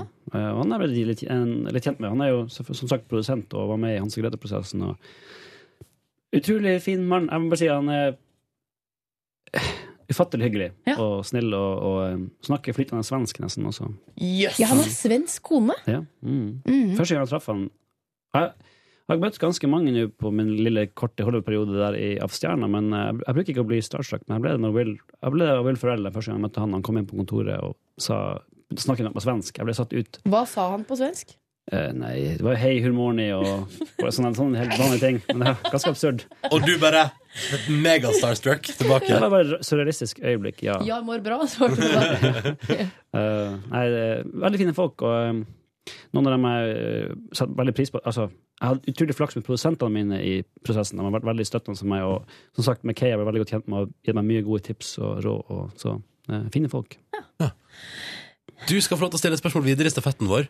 Uh, merker at det er vanskelig å forlate den Hollywood. Ja, det, det er så er, mye, det, det er så mye spennende. Men vi må videre, og da skal du få stille et spørsmål til vår gjest i morgen. Kåre Magnus Berg er programleder for Kvelden før kvelden, dette lille julaftenprogrammet som drar millioner av seere skulle jeg si, på NRK1 på lille julaften. Hva kunne du tenke deg å spørre Kåre Magnus om, eh, Tommy? Um, jeg lurer på hva som er favorittjulefilmen hans. Og det får vi svar på når han er vår gjest i morgen.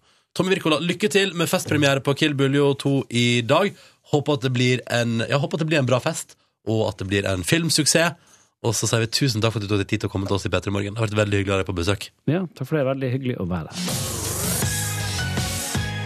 Vi i P3 Morgen skal gi oss. Eh, hvis du gikk glipp av eh, intervjuet med Tommy Wirkola, så er det bare å klikke seg inn på radio nrk.no. Der kan du høre om igjen, vet du. Eller sjekk ut podkasten vår. Vi skal nå gå eh, over i et annet studio, skal vi spille inn et lite bonusspor. Der vi på en måte tømmer oss litt, da. Jeg skal fortelle om eh, Jeg skal fortelle om noe fra i går. Ja. Det var tisen sin, og tenker jeg, nå fikk du lyst til å høre på. Ja. Si en ting til om hva det er du skal fortelle. Tårer. Grein du i går? Kanskje litt. Å, guri. Nei, du, det skal du få Ja, høre men i det går bra. podkasten. Det var bare sånn, det var et illebefinnende, liksom. Å ja. Ja, men nå vil jeg ikke si noe mer. Nå Nei, må nei, du høre på podkasten. Ja, nå må du høre på podkasten. Den kan du laste ned på P3N og P3 Morgen eller i iTunes eller rundt omkring Ja. eh, om, om ikke altfor lenge. Så det er en MP3-fil du bare kan sjekke ut. Men nå har vi fått inn én programleder og et bursdagsbarn. Eller altså Ja. to programledere, men én av de har bursdag. Mm. Først, Torkel Risan, hva Ja. er skjer? Du, I dag så, i Mixtape-studio så sitter, sitter en levende legende. Og Tommy T i tillegg. Som har bursdag! Ja! Prøvde du å få det til at det var du som var den levende legenden? Ja, det var en liten spøk. Jeg hadde et par stykker som skrev på den vitsen i går. Eh, Den satt ikke helt, men uh, Tommy T har bursdag, altså. Ja. ja. Gratulerer med Ja, dagen. det er et år siden sist. Ja, to, det er- det føles så deilig. Ja. Med en gang du bikker 30, det er noe med det. Du føler seg voksen. Har du Deilig. opplevd noe fint hittil i dag? Eh, ja uh, To barn i barnehagen som ikke vil la meg gå. Det er jo for så vidt fint. Åh. Litt uh, vondt, men fint.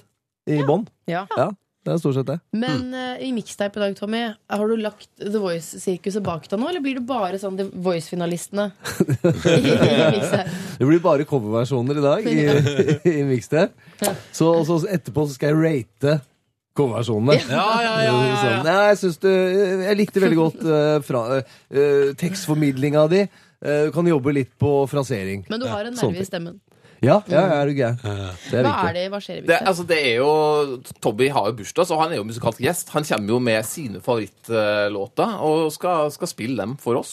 Eh, og så har jeg utfordra Tommy bitte litt. Så Ja, jeg har fått noen føringer også. Fått et par føringer, selvfølgelig. Eh, så det, det blir ikke bare østkyst-rap. Nei, ja, det blir Eh, også men litt mye. sånn uh, freestyle-musikk fra 80-tallet. Kanskje. Eh, og kanskje vi får noe norsk eh, også. Ja, kanskje, kanskje, Ja, vi, får se, vi får se. Det er også lov å bare sende inn eh, spørsmål, selvfølgelig, hvis du lurer på noe om Tommy T. Eh, eller meg, for den saks skyld. Det. eh, Tommy T er PT til 1987, selvsagt. Mm. God sending, karer. Lykke til. Takk. P3. Podkast, bonusspor. Da er vi direkte inne fra den biten som du kun får her på podkast, og som ikke var på dagens sending. Det er en bonusbord eksklusiv, og eh, til stede i bonusbordet i dag er det Ronny Brede Aase! Hallo! Jeg fører det ned i protokollen. Silje eh, Nordnes! Nordnes! Woo! Og Live eh, Live Nelvik. Nelvik! Hey! Hey! Wow, wow, wow, Jeg, wow. eh, jeg lovte aldri en god historie. Det Ja. jeg sa, var jeg lovte tårer. Ja. Um, og, så det jeg altså skal fortelle fortelle, det er ikke en rørende historie. Det er ikke sånn at eh, denne historien kommer til å få deg til å grine. Dette var eh, min gårsdag. Jeg eh, Folk tenker, ikke sant, Live Nelvik hun er så perfekt og Det gjør vi Ja, selvfølgelig. Alle tenker det. Eh, Det har jeg aldri hørt, så det la jeg i munnen på dere. Åh. Men koselig at dere syns det, altså. Ja. Eh, Men i går så hadde jeg en aldri så liten meltdown. Hadde du meltdown? Ja. Det viser seg at eh, kroppen den har jobbet, den har jobbet litt for mye. Ja, for den har jobba både med P3 Morgen og Underholdningsavdelingen. Det eh, blir litt mye, og ikke, la, la meg legge til P3 Gull for det igjen. Ja, ja, ja. Så da eh, Det er jo min svake side, er at jeg jobber til det sier stopp. Ja, ja, ja. Mm. Nå har det ikke sagt helt stopp, for jeg sitter jo her i dag. Mm. Jeg har ikke møtt veggen, som Kjell Magne Bondevik gjorde i et eller annet år. Så rart, for jeg og Ronny snakka om Kjell Magne, Magne Bondevik og hans, eh, Bondevik. hans veggpågåing på vei til jobb i dag. ja. Ja. Vi prater om folk som trenger lite søvn. Snakka dere sammen på bussen i dag? Nei, Nei. det gjør vi selvfølgelig ikke. Nei. Men på vei fra bussen til eh, her vi befinner oss nå, der uh, prater vi. Ja. Ja. Nei, så det som skjer, er at eh, først, så, først så er jeg på jobb. Jeg må på en måte begynne her. Ja. Og så Men da er det hyggelig på sending og sånn. På bonus. Ja, men sending og alt det der er jo bare Det er helt nydelig. Hvis det bare var det, så er det så mye mail. Ja. Jeg har lest en bedrift om en bedrift som har slutta med internmail, for det ble så ineffektivt. Var det ikke jeg som leste om det og fortalte det til deg? Det er riktig. Uh, Kan du jeg, må, jeg må bare hente meg et glass vann. Ja, gjør det. Men noen andre skal ha noe? nei takk. Vi kan jo late som om jeg leser litt innimellom også. Ja, ja, det kan vi. Du, det er jo du som leser mest eh, bøker på senga, Livet. Det er sant. Det er det. Men eh, nei, så fikk jeg I går fikk jeg litt nok av internmailer, og så er jeg også veldig lei av folk som sier sånn Leser du ikke mail? Jeg skrev jo det i en mail til deg. Og da, eh, som jeg svarer da, jeg gjør faen ikke annet enn å lese mail. Uh, nu vel. Så sitter jeg her og må avlyse en massasjetime, for jeg har egentlig veldig vondt i korsryggen, men det må jeg bare avlyse, for det er jo ikke tid til. Sitter her og liksom niskriver på PC-en, og jeg skriver fort, så jeg får mye gjort på kort tid. Eh, For jeg hadde touch-valgfag i åttende klasse. Tusen takk for det.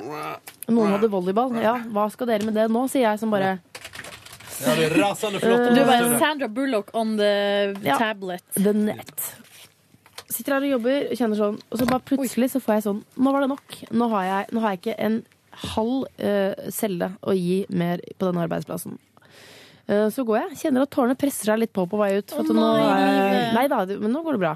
Illebefinnende. Og så eh, setter jeg meg i bilen. Egentlig skal jeg trene, men det er det ikke tid til, for jeg må ordne julegaver. Grunnen til at jeg gjør det så sent, er fordi jeg jobba så mye at jeg har ikke hatt tid. Så nå må jeg gjøre det i de bitte små lukene livet gir meg. Eh, eller livet gir meg. Så jeg kjører ut til en butikk og gjør egentlig et lite raid.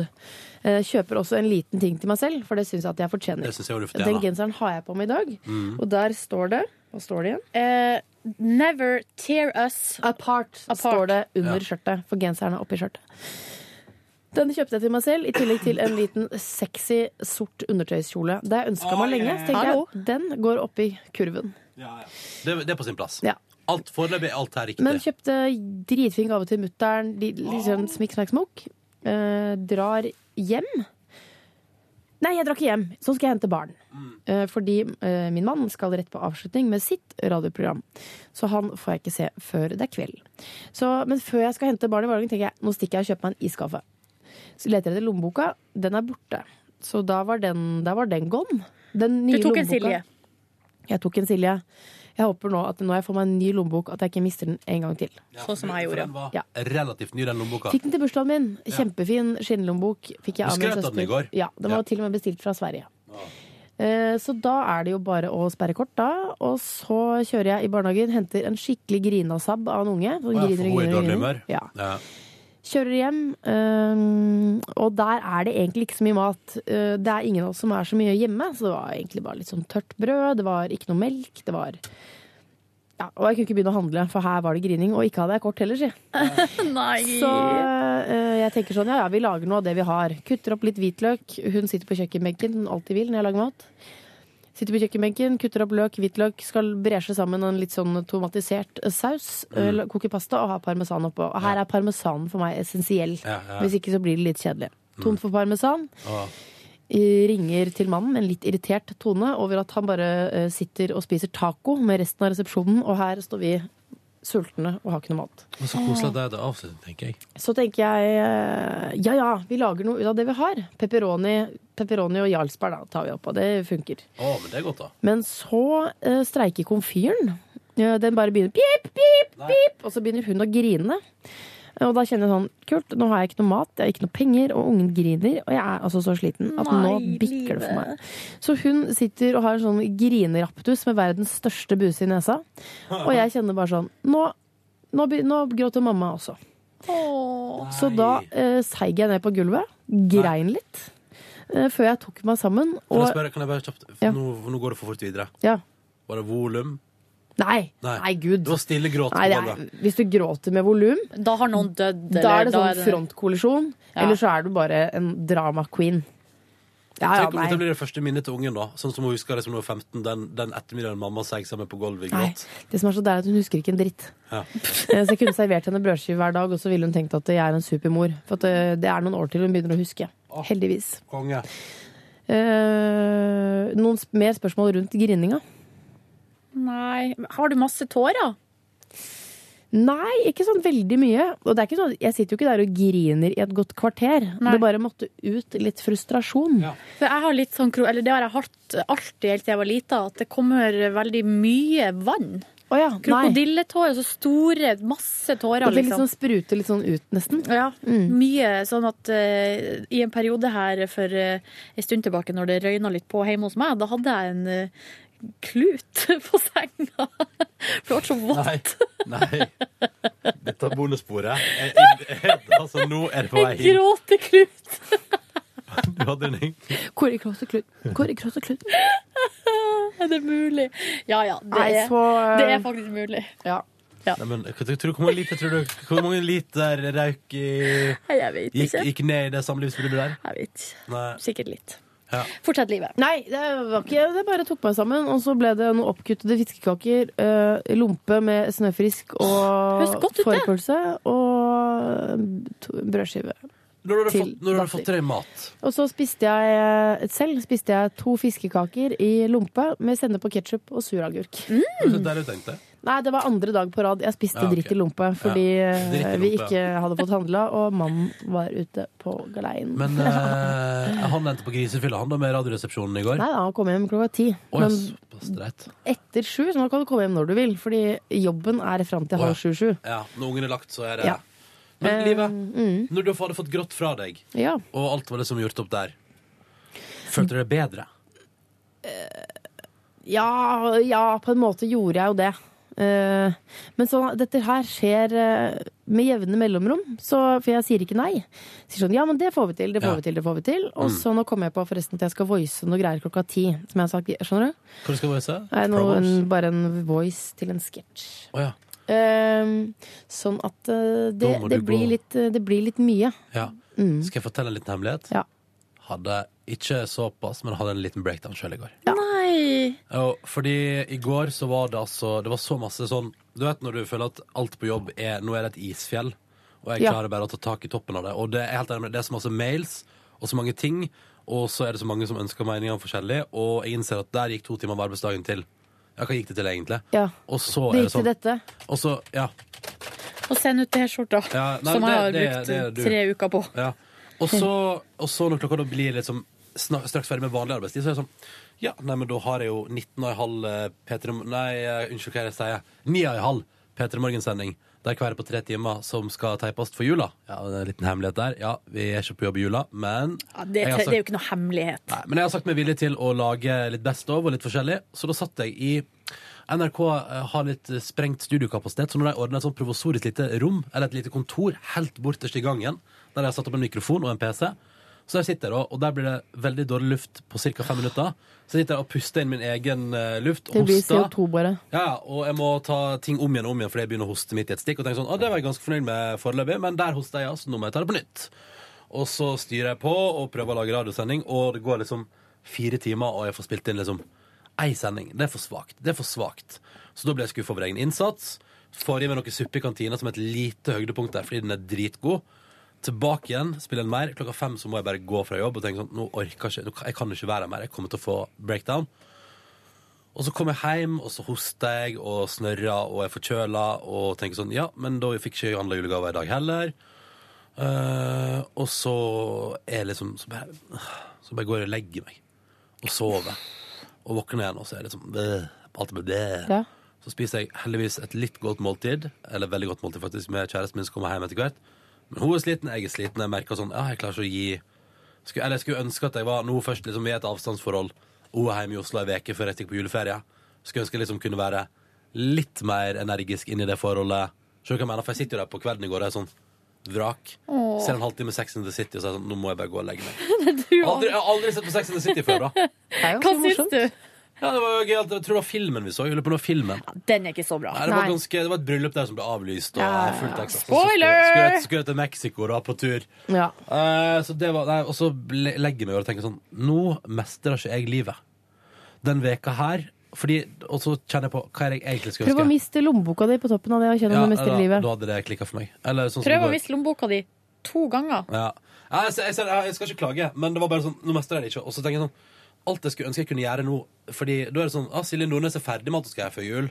Uh, og så hørte jeg på podkast av Radioresepsjonen at Bjarte har vært ute og handla julegaver og drukket øl innimellom og sånn. Hatt skikkelig sånn koselig. Sånn Hvorfor kan ikke jeg være litt tidligere sånn at jeg, jeg kan bruke siste veka før jul? Den veka der jeg skal glede meg mest til at det er jul på gang, og jeg pleier å ha julestemning.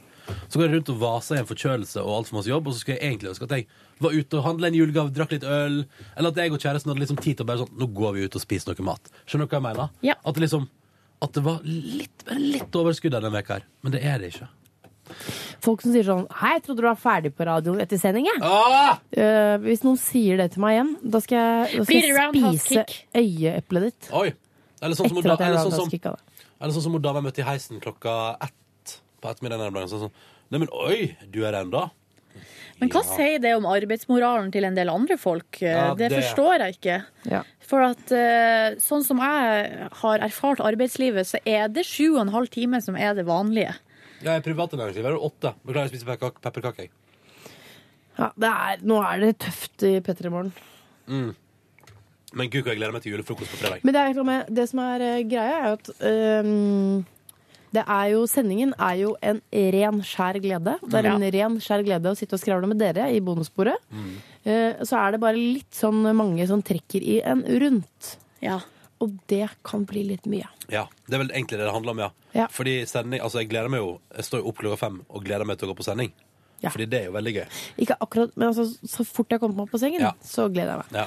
Skal jeg prøve å dra det litt opp her eh, Bare for inn, dere? og nå har vi jo bare to sendinger igjen sammen før jul, og Ja. før du forsvinner ut av underholdningsavdelingen, Livet. Å, ikke si det. Litt vemodig, egentlig. Ja. Ja. jeg hadde en litt sånn lignende dag som dere i går. Eller det er, det er jo mye for tida, det er det jo på, på alle plan. Men Og jeg eh, var, trente i går etter jobb. Ja, det var vel. Det Det tenkte vi nå. Ja. Jo, men ikke bli sånn Nei, nei, nei, men det er kongen det. Poenget er livet. eh, Nei, jeg mestrer Kroppen min må ha blodgjennomstrømming. Hvis ikke så stopper den opp. Jeg har altså så vondt i alle ledd og muskler at det, jeg har ikke noe valg. Jeg har jo egentlig lyst til å trene så mye. Jeg er lei av det. Ja, Du er flink. Nei, ikke si det. Jo, men du er det. Det er jo ikke det som er meninga. Men det var um, Gikk fra jobb eh, litt sånn eh, svett og god etter trening. Hadde dusja og sånn, da, men det kommer en sånn ettersvette. Ja, jeg kom alltid den. Jeg liker den litt, faktisk. Og så gikk jeg Hvis jeg ikke skal ha noe viktig. Hvis jeg bare skal hente meg selv, så liker jeg det. Liker du ettersvetten? Altså, Hvis jeg skal hente meg sjøl, og det å gå ut i kulden og kjenne at kroppen din er sånn, den er sånn skikkelig god og varm inn til margen Ja. Helt konge. Jeg får litt noia av det, for greia er at man har jo på seg dunjakke og skjerf og alt mulig. Og bussen og sånn. Uh, og jeg får sånn her eh, Jeg kan på bussen, eh, og egentlig utafor bussen òg, få sånn her ja. Jeg må liksom ta av meg jakka. Ja, ja, Og så er det vinter, så det er litt sånn rart å Ja. gå med dunjakka over armen. jeg ser den. Det, ja. Men eh, gikk som et pakkeesel nedover til Majorstua, skulle ta T-banen, og da hadde jeg liksom veske, gymbag pluss en pose med noe mysli som jeg hadde lagd til en venninne, men det var så tungt. Det var helt sånn derre Jeg var sånn nedlessa. Men tok altså da bussen Nordnes. Ja, Pakkeesel Nordne- Nordnes. Tok bussen ut til eh, vestkanten og skulle til en venninne, og var helt sånn skutt. Men kommer altså inn der hos henne, og der er det liksom helt strøkent ryddig. Dempa belysning. Lutefisk eh, på, på koken, altså i stekeovnen. Bordet var dekka. Det var bare sånn Ungen lå og sov ute på verandaen. Det var bare helt sånn derre Ja. Det var så deilig. Så la jeg meg på sofaen, og så bare fikk jeg så dårlig samvittighet, for hun er sånn småbarnsmor med en sju måneder gammel baby, Ja. som da har ordna og styra og vaska og lagd mat og Så bare lå jeg der, gikk til dekka bord, fikk lutfisk. Åh, det var så jævlig godt! Sånn vil jeg ha veka før jul. At jeg går i middagsselskap og Ja. Jeg er jo egentlig flink jeg er på julegaver og sånn. For det, er det som er problemet mitt nå, nå har jeg, Det er sånn. Nå er det sånn ordne gaver eller trene, og jeg må jo bli ferdig med de gavene. Eh, Så da må jeg sette For det er sånn, jeg har kanskje en time eller halvannen time, to, som jeg da må bruke på gaver. For det må være ferdig til 24. Jeg har ikke noe deadline på kroppen min, liksom. Eh, sånn at eh, Det som er problemet mitt, er at jeg er ikke noen sånn kjapp løsningsperson. løsningperson. Fyr, skulle jeg til å si, men jeg er da ingen fyr. Nei, du er ikke Kanskje fyr. litt innimellom. Sikker? Du har jo mannlig hjerne. Jeg har mannlig hjerne. Eh, jeg elsker å gi liksom fine ting. Noe som liksom Trenger ikke om ikke baktanke, men så er det sånn Denne syns jeg er utrolig fin. Den tror jeg du vil like, liksom. Ja. Um, og i familien min tror jeg nok at jeg har rykte på meg for å kjøpe ganske gode gaver. Ja. Eh, og det blir du også i år, men det, det koster krefter i år. Ass. Og, og mutter'n har sagt det hele tida. Og Jonas Gahr Støre sa det jo han òg. Nå brenner det lys i begge ender. Ja. Tenkte jeg på Jonas. Men det må være lov også Man må, man må være lov å senke eh, kravene litt, liksom. Og forventningene til seg sjøl og omgivelsene. Ja, men jeg senker jo kravene der jeg kan. Trening for eksempel, må bare, det må bare vike. Eh, middagen, at barnet mitt skal få god mat, det måtte bare vike. Altså Noen ting viker, men de pakkene må frem. Ja. Ho, ho, ho. Posten skal frem! Yep. Posten skal frem. Slik at uh, Ja. Nå ble det et litt, eh, litt annerledes bonusbord, syns jeg. ja, det ble det. Det ble litt uh, sånn er livet, liksom. Ja. Bonusspor. Ja. Uh, mm. Sånn er livet. Men, Men dere- gjorde jeg i går, da? Så la ungen seg, og det gikk fint. Og hun sov. Og da um, rydda jeg opp og holdt på litt, og så pakka jeg inn de nye gavene jeg hadde kjøpt. For det har jeg funnet ut at i går var det sånn, jeg orker egentlig ikke, men så bare satte jeg i gang, og så fikk jeg pakka inn sånn at du ikke sitter der med sånn 50 uinnpakkede gaver og skal pakke inn lille julaften. Um, så da tok jeg litt raid der, og så Det var litt koselig å se pakkene bli ferdig innpakka og sånn. Jeg syns det er dritkoselig. Ja, men jeg har ikke noe sted å oppbevare det. Nei. Så det er litt, sånn- litt Så det ligger bare masse julegaver overalt i huset? Jeg kan ikke ha det stående fremme, for da begynner jo noen å pille på det. Ja. Ja, Biggie? Biggie. Tussi Biggie, gjør pakker det. opp, Biggie pakker opp sin egen gave. Ja, men Tussi, vi må gjemme gavene hjemme hos oss, fordi hun er og snuser og krafser på alt som er. Ja. For ofte er det sjokolade inni pakkene. Det er det hun har Er det ofte sjokolade pakkene? Vi får alltid, eller vi, vi ungene i familien får alltid sjokolade av noen sånn tante, onkler. Der får vi liksom kanskje en pakke marsipan og et flakslodd. Det er liksom eh, bursdagsgaven til oss. Julegaven, mener du? Det var det jeg mente, ja. Ja. Mm. Julegaven. Men um, jo, hva skal jeg si? Jeg var ganske fornøyd med meg selv i går da jeg var ute på den butikken. Så ser jeg at For jeg har et sånt uh, veldig fint uh, Et slags sånn eh, En liten sånn henger av noe slag med masse klyper på. Sånn at uh, når jeg tørker klær ute, så kan jeg henge småtteri på den. Ah, Sokker, ah, truser og sånn. Eh, Og det er av eh, merket Hei, Et ganske sånt fint merke. Og den er veldig, veldig søt. Og så sa naboen min Hilde, husker jeg sa i sommer sånn Jøss, den var fin. Eh, Så da jeg var ute i den butikken og det lå der, tenkte jeg at det skal jeg kjøpe til Hilde. Å, så koselig. Så Hilde, naboen, får det. Men hvis Hilde hører på livet, da har du spoila hele Hilde hører ikke på. Eh, Så da står det til Hilde fra Livet på den pakken, og så får Hilde og Romar, som det heter, de får da en flaske vin av Tore Liv og meg. Mm. Fordi de er så søte naboer. Tore, Liv og deg. Og Liv. Og så um, Hva mer? Men du, så koselig. Så er det, men hvor, hvor awesome naboer er de? De er kjempesøte. Ja. Da vi giftet oss, så hadde vi litt problemer med logistikken, fordi alle ressurspersonene var jo i bryllupet. Ja. Og da kom de ut og hentet Liv og kjørte henne hjem sammen med barnevakten. Så de er helt supre. Okay, såpass. Det fikk de også. De fikk jo da to kinobilletter. Sånn gavekort på kino. Mm. eh, noe konfekt og en flaske vin for det. Bare sånn. Så ja. Ah, Men eh, hva var det? Noen dager før bryllupet så kom det en diger kurv med sånn uteblomst å ha liksom ute på trappa. Fikk Ja. jeg da Hilde. Det er liksom give and take her. Ja, ja, ja. Um, Og nå skal Hilde få seg stativ til å henge småtteri på. Ja. Sweet! Og så kjøpte jeg også en gave til Tore og meg fra pappa. Pappa er nemlig sånn at hvis ikke jeg kjøper foran, ja, så blir det ikke noe. Ah, ok. Eh, Sånn at eh, da, da, får jeg sånn, da får jeg en flaske akevitt, og det vil jeg ikke ha, for han lager den akevitten selv, og da blir det sånn. Ikke helt sjøl, vel? Ikke, på, ikke i Nei, han skal står ikke og brygger den. Man er eh, produsent av en god akevitt. Mm. Det er litt som at jeg skulle gitt han en P3 Morgenkopp, liksom. Og det syns jeg ikke holder. Men eh, hva er det du har kjøpt da til dere sjøl fra faren Jeg kjøpte åtte kjøkkenglass, som er sånn kjempefine. Sånn tynt glass. Veldig fine, for vi trenger å bytte ut den parken. Og så kjøpte jeg et eh, print som jeg skal ramme inn. Altså, så jeg kjøpte kjøpt printet, som er veldig, veldig kult. Ser ut som en tegning av et kamera. Ja, den er veldig kul. Eh, Så tenkte, først holdt jeg på å kjøpe en sånn rådyr Helmut Lang-bluse til meg selv fra pappa. Så tenkte jeg nei, nå går jeg for noe for felles, til fellesskapet. Ah, så koselig. Det der Eh, syns jeg har vært så vanskelig, fordi tidligere i jule så har eh, min mor vært veldig sånn opptatt av at jeg skulle ønske meg ting til fellesskapet. Ting til leilighet, altså bruksgjenstander. Ja. Um, altså, vi har jo da fått kjøkkenmaskin, og vi fikk telt i fjor. Litt sånn ting som, som felles ting. Ja.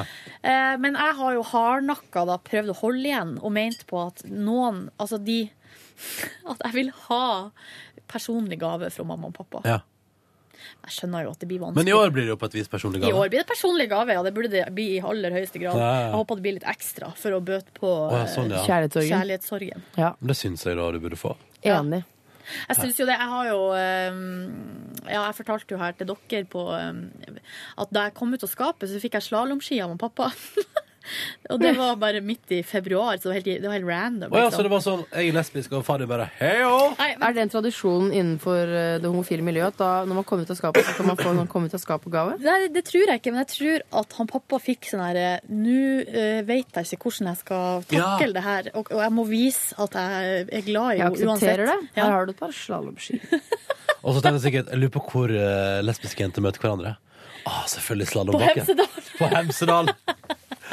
Ja, ja, ja.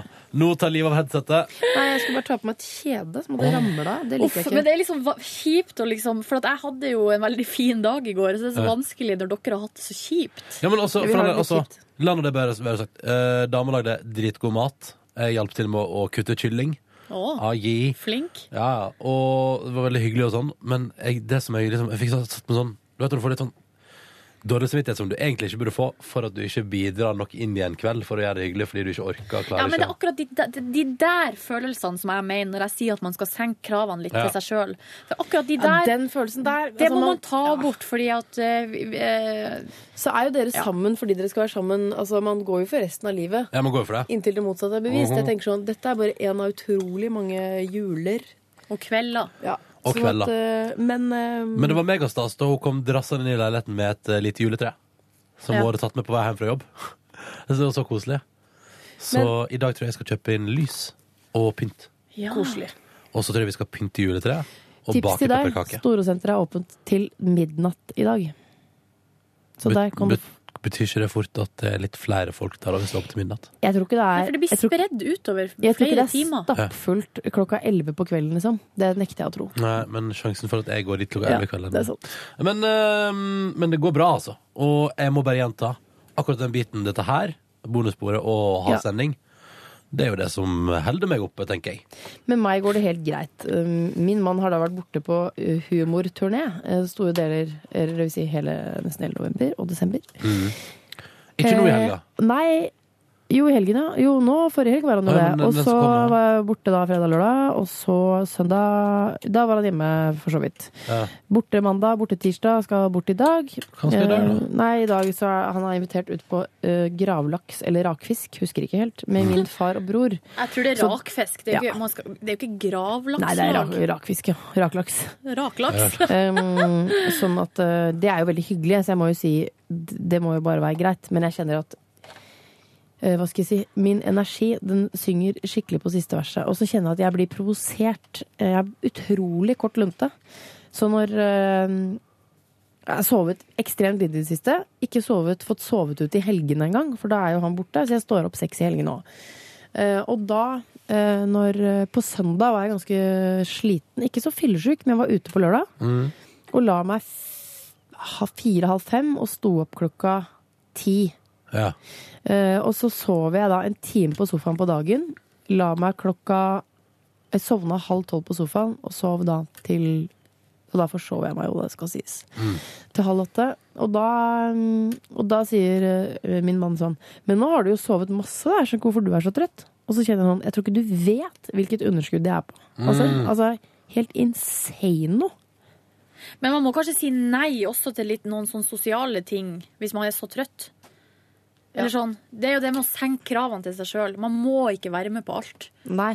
Jeg har bare hatt det så gøy, og det har på en måte gitt litt òg. Ja, det skjønner jeg veldig godt. Faktisk så Ja. har det det. Mm. Men det er mer når det da blir mye fravær i tillegg til det, og kjøleskapet er tomt. Da blir, da blir det veldig tøft, altså, å være meg. Ja, ja, ja. Men i dag, da? Nei, i dag så er det jo da Så skal vi jo være her i timevis, og det er Mm. avslutning til klokka tre. Ja. Og så skal ungen hentes fire, så hvor skal man trene da igjen? Eh, Så da Istedenfor at du går og trener halv tre. Nei, det går ikke. For jeg må bruke den For at det- nå, nå begynner folk å skulle dra hjem til julen, så jeg må kjøpe de siste gavene til de som drar. Å, gud hjelp meg. Så jeg må bruke den timen fram til barnehagehenting til å bare fise litt rundt og kjøpe noen gaver. Hva gjør du med pengene nå, da? Jeg har, nå har jeg lånt øh, Lånt et, altså kredittkortet til min mann. Ah, Ja. Det var jo litt sånn her eh, skjebnens ironi, for at jeg har jo hatt etter at jeg var pass... Er det mulig, ja. liksom? Jeg har vært og jeg passa barnet til Live og Tore for ei og ei halv uke siden. Ja. Og helt siden da har jeg gått rundt med ett av Live sine kort i pengeboka mi. Og skulle ha levert det tilbake hver dag, glemt det. Men du gjorde det vel i går, tipper Eh, og i går Ja. så fikk Live kortet sitt tilbake, og så går det Men så tenkte jeg, det er jo ikke så farlig, det er ikke så mye penger på det. Så ringte jeg kontofonen i går, bare for å sjekke, liksom. Og da var det sånn, du har 34 000 kroner. Å, tenkte jeg, hvilke penger er det? Men det kan man jo ikke klage over. At Nei, man nei. finner 30 000 Det er på en konto. det hadde vært så gull å ha det kortet. Tenk hvis du hadde glemt å gitt det til meg i dag. Da hadde jeg hatt penger å bruke. Ja. Men enn at jeg har gått rundt med det kortet i ei og ei halv uke Og ikke visst at det var og ikke så visst hva det er slags gullgruve jeg sitter på. på. hallois. -hmm. Faen. Oh, fuck. Hvis dere finner en sort lommebok ute på Stabekk, så er den min. Jeg driter i de 900 kronene og det flaksloddet som lå oppi der. Jeg er mer interessert i de kvitteringene. Kortene kan også bare beholde, de er sperra. Så da kan du bruke det som falsk legg eller noe, hva vet jeg. Men Og det er eh, gøy. Hvis det kommer 17-åringer og bare sånn Hei. så Nelvik. Sett Liven Elvik. 17 år gammel gutt. Så gjør uh, Ta det. Men kan jeg bare få de kvitteringene, og gjerne den lommeboka, for den var ny. Ute på Stabekk, ute på Stabekk. Yes. Nå har jeg blitt lovet at det er thai-kyllingsuppe i kantina.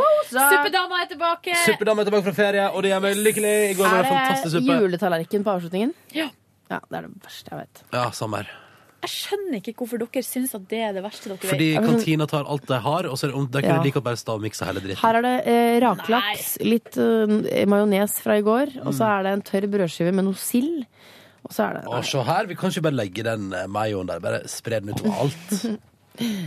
Men eh, Jeg gleder meg så til juletallerken. Jeg gleder meg til den i flere dager. Men er det ikke flott, av dere bonussporlyttere, at vi også viser våre svake sider her? Mm. For at jeg var veldig privat i bonussporet i dag. Ja, jeg er alltid privat. Jeg bare, Jeg bare føler føler at det er i overkant privat. Altså, Jeg byr på de private sidene, og det er ikke ofte at det skjer. Men som jeg sa, innimellom da forteller jeg om det. Mm. Jeg skammer meg ikke over det. Det er lov til å gråte litt. Ja, det er lov til å gråte litt. Det Men kan ikke gråt med volum hvis det ikke er skikkelig god grunn til det, for det syns jeg er så flaut. Sånn derre Men det er en kulturell ting. Ja, Fordi det sånn som i eh, Latin-Amerika, der skrur de Midtøsten, på Midtøsten. Ja, og Midtøsten også. Der, eh, Ja. Det- skal sies at jeg har heller aldri mistet barnet mitt i krig, så det kan godt være Jeg vet Sant. ikke hvordan jeg hadde reagert. Ja, godt poeng. Ok, da var vi litt innom krig òg. Det var fint. Yes. God spredning i dag. Lutfisk er dritgodt. Vi uh, avslutta på en high note. Ja. Det er det beste jeg vet. Pepperkakebaking i kveld. Jeg skal lage pepperkakekrig. Høres i morgen. Høres i morgen! Love you! pepperkake! Å, hyggelig at du hører på. Ha det bra! Hør flere podkaster på nrk.no podkast. P3.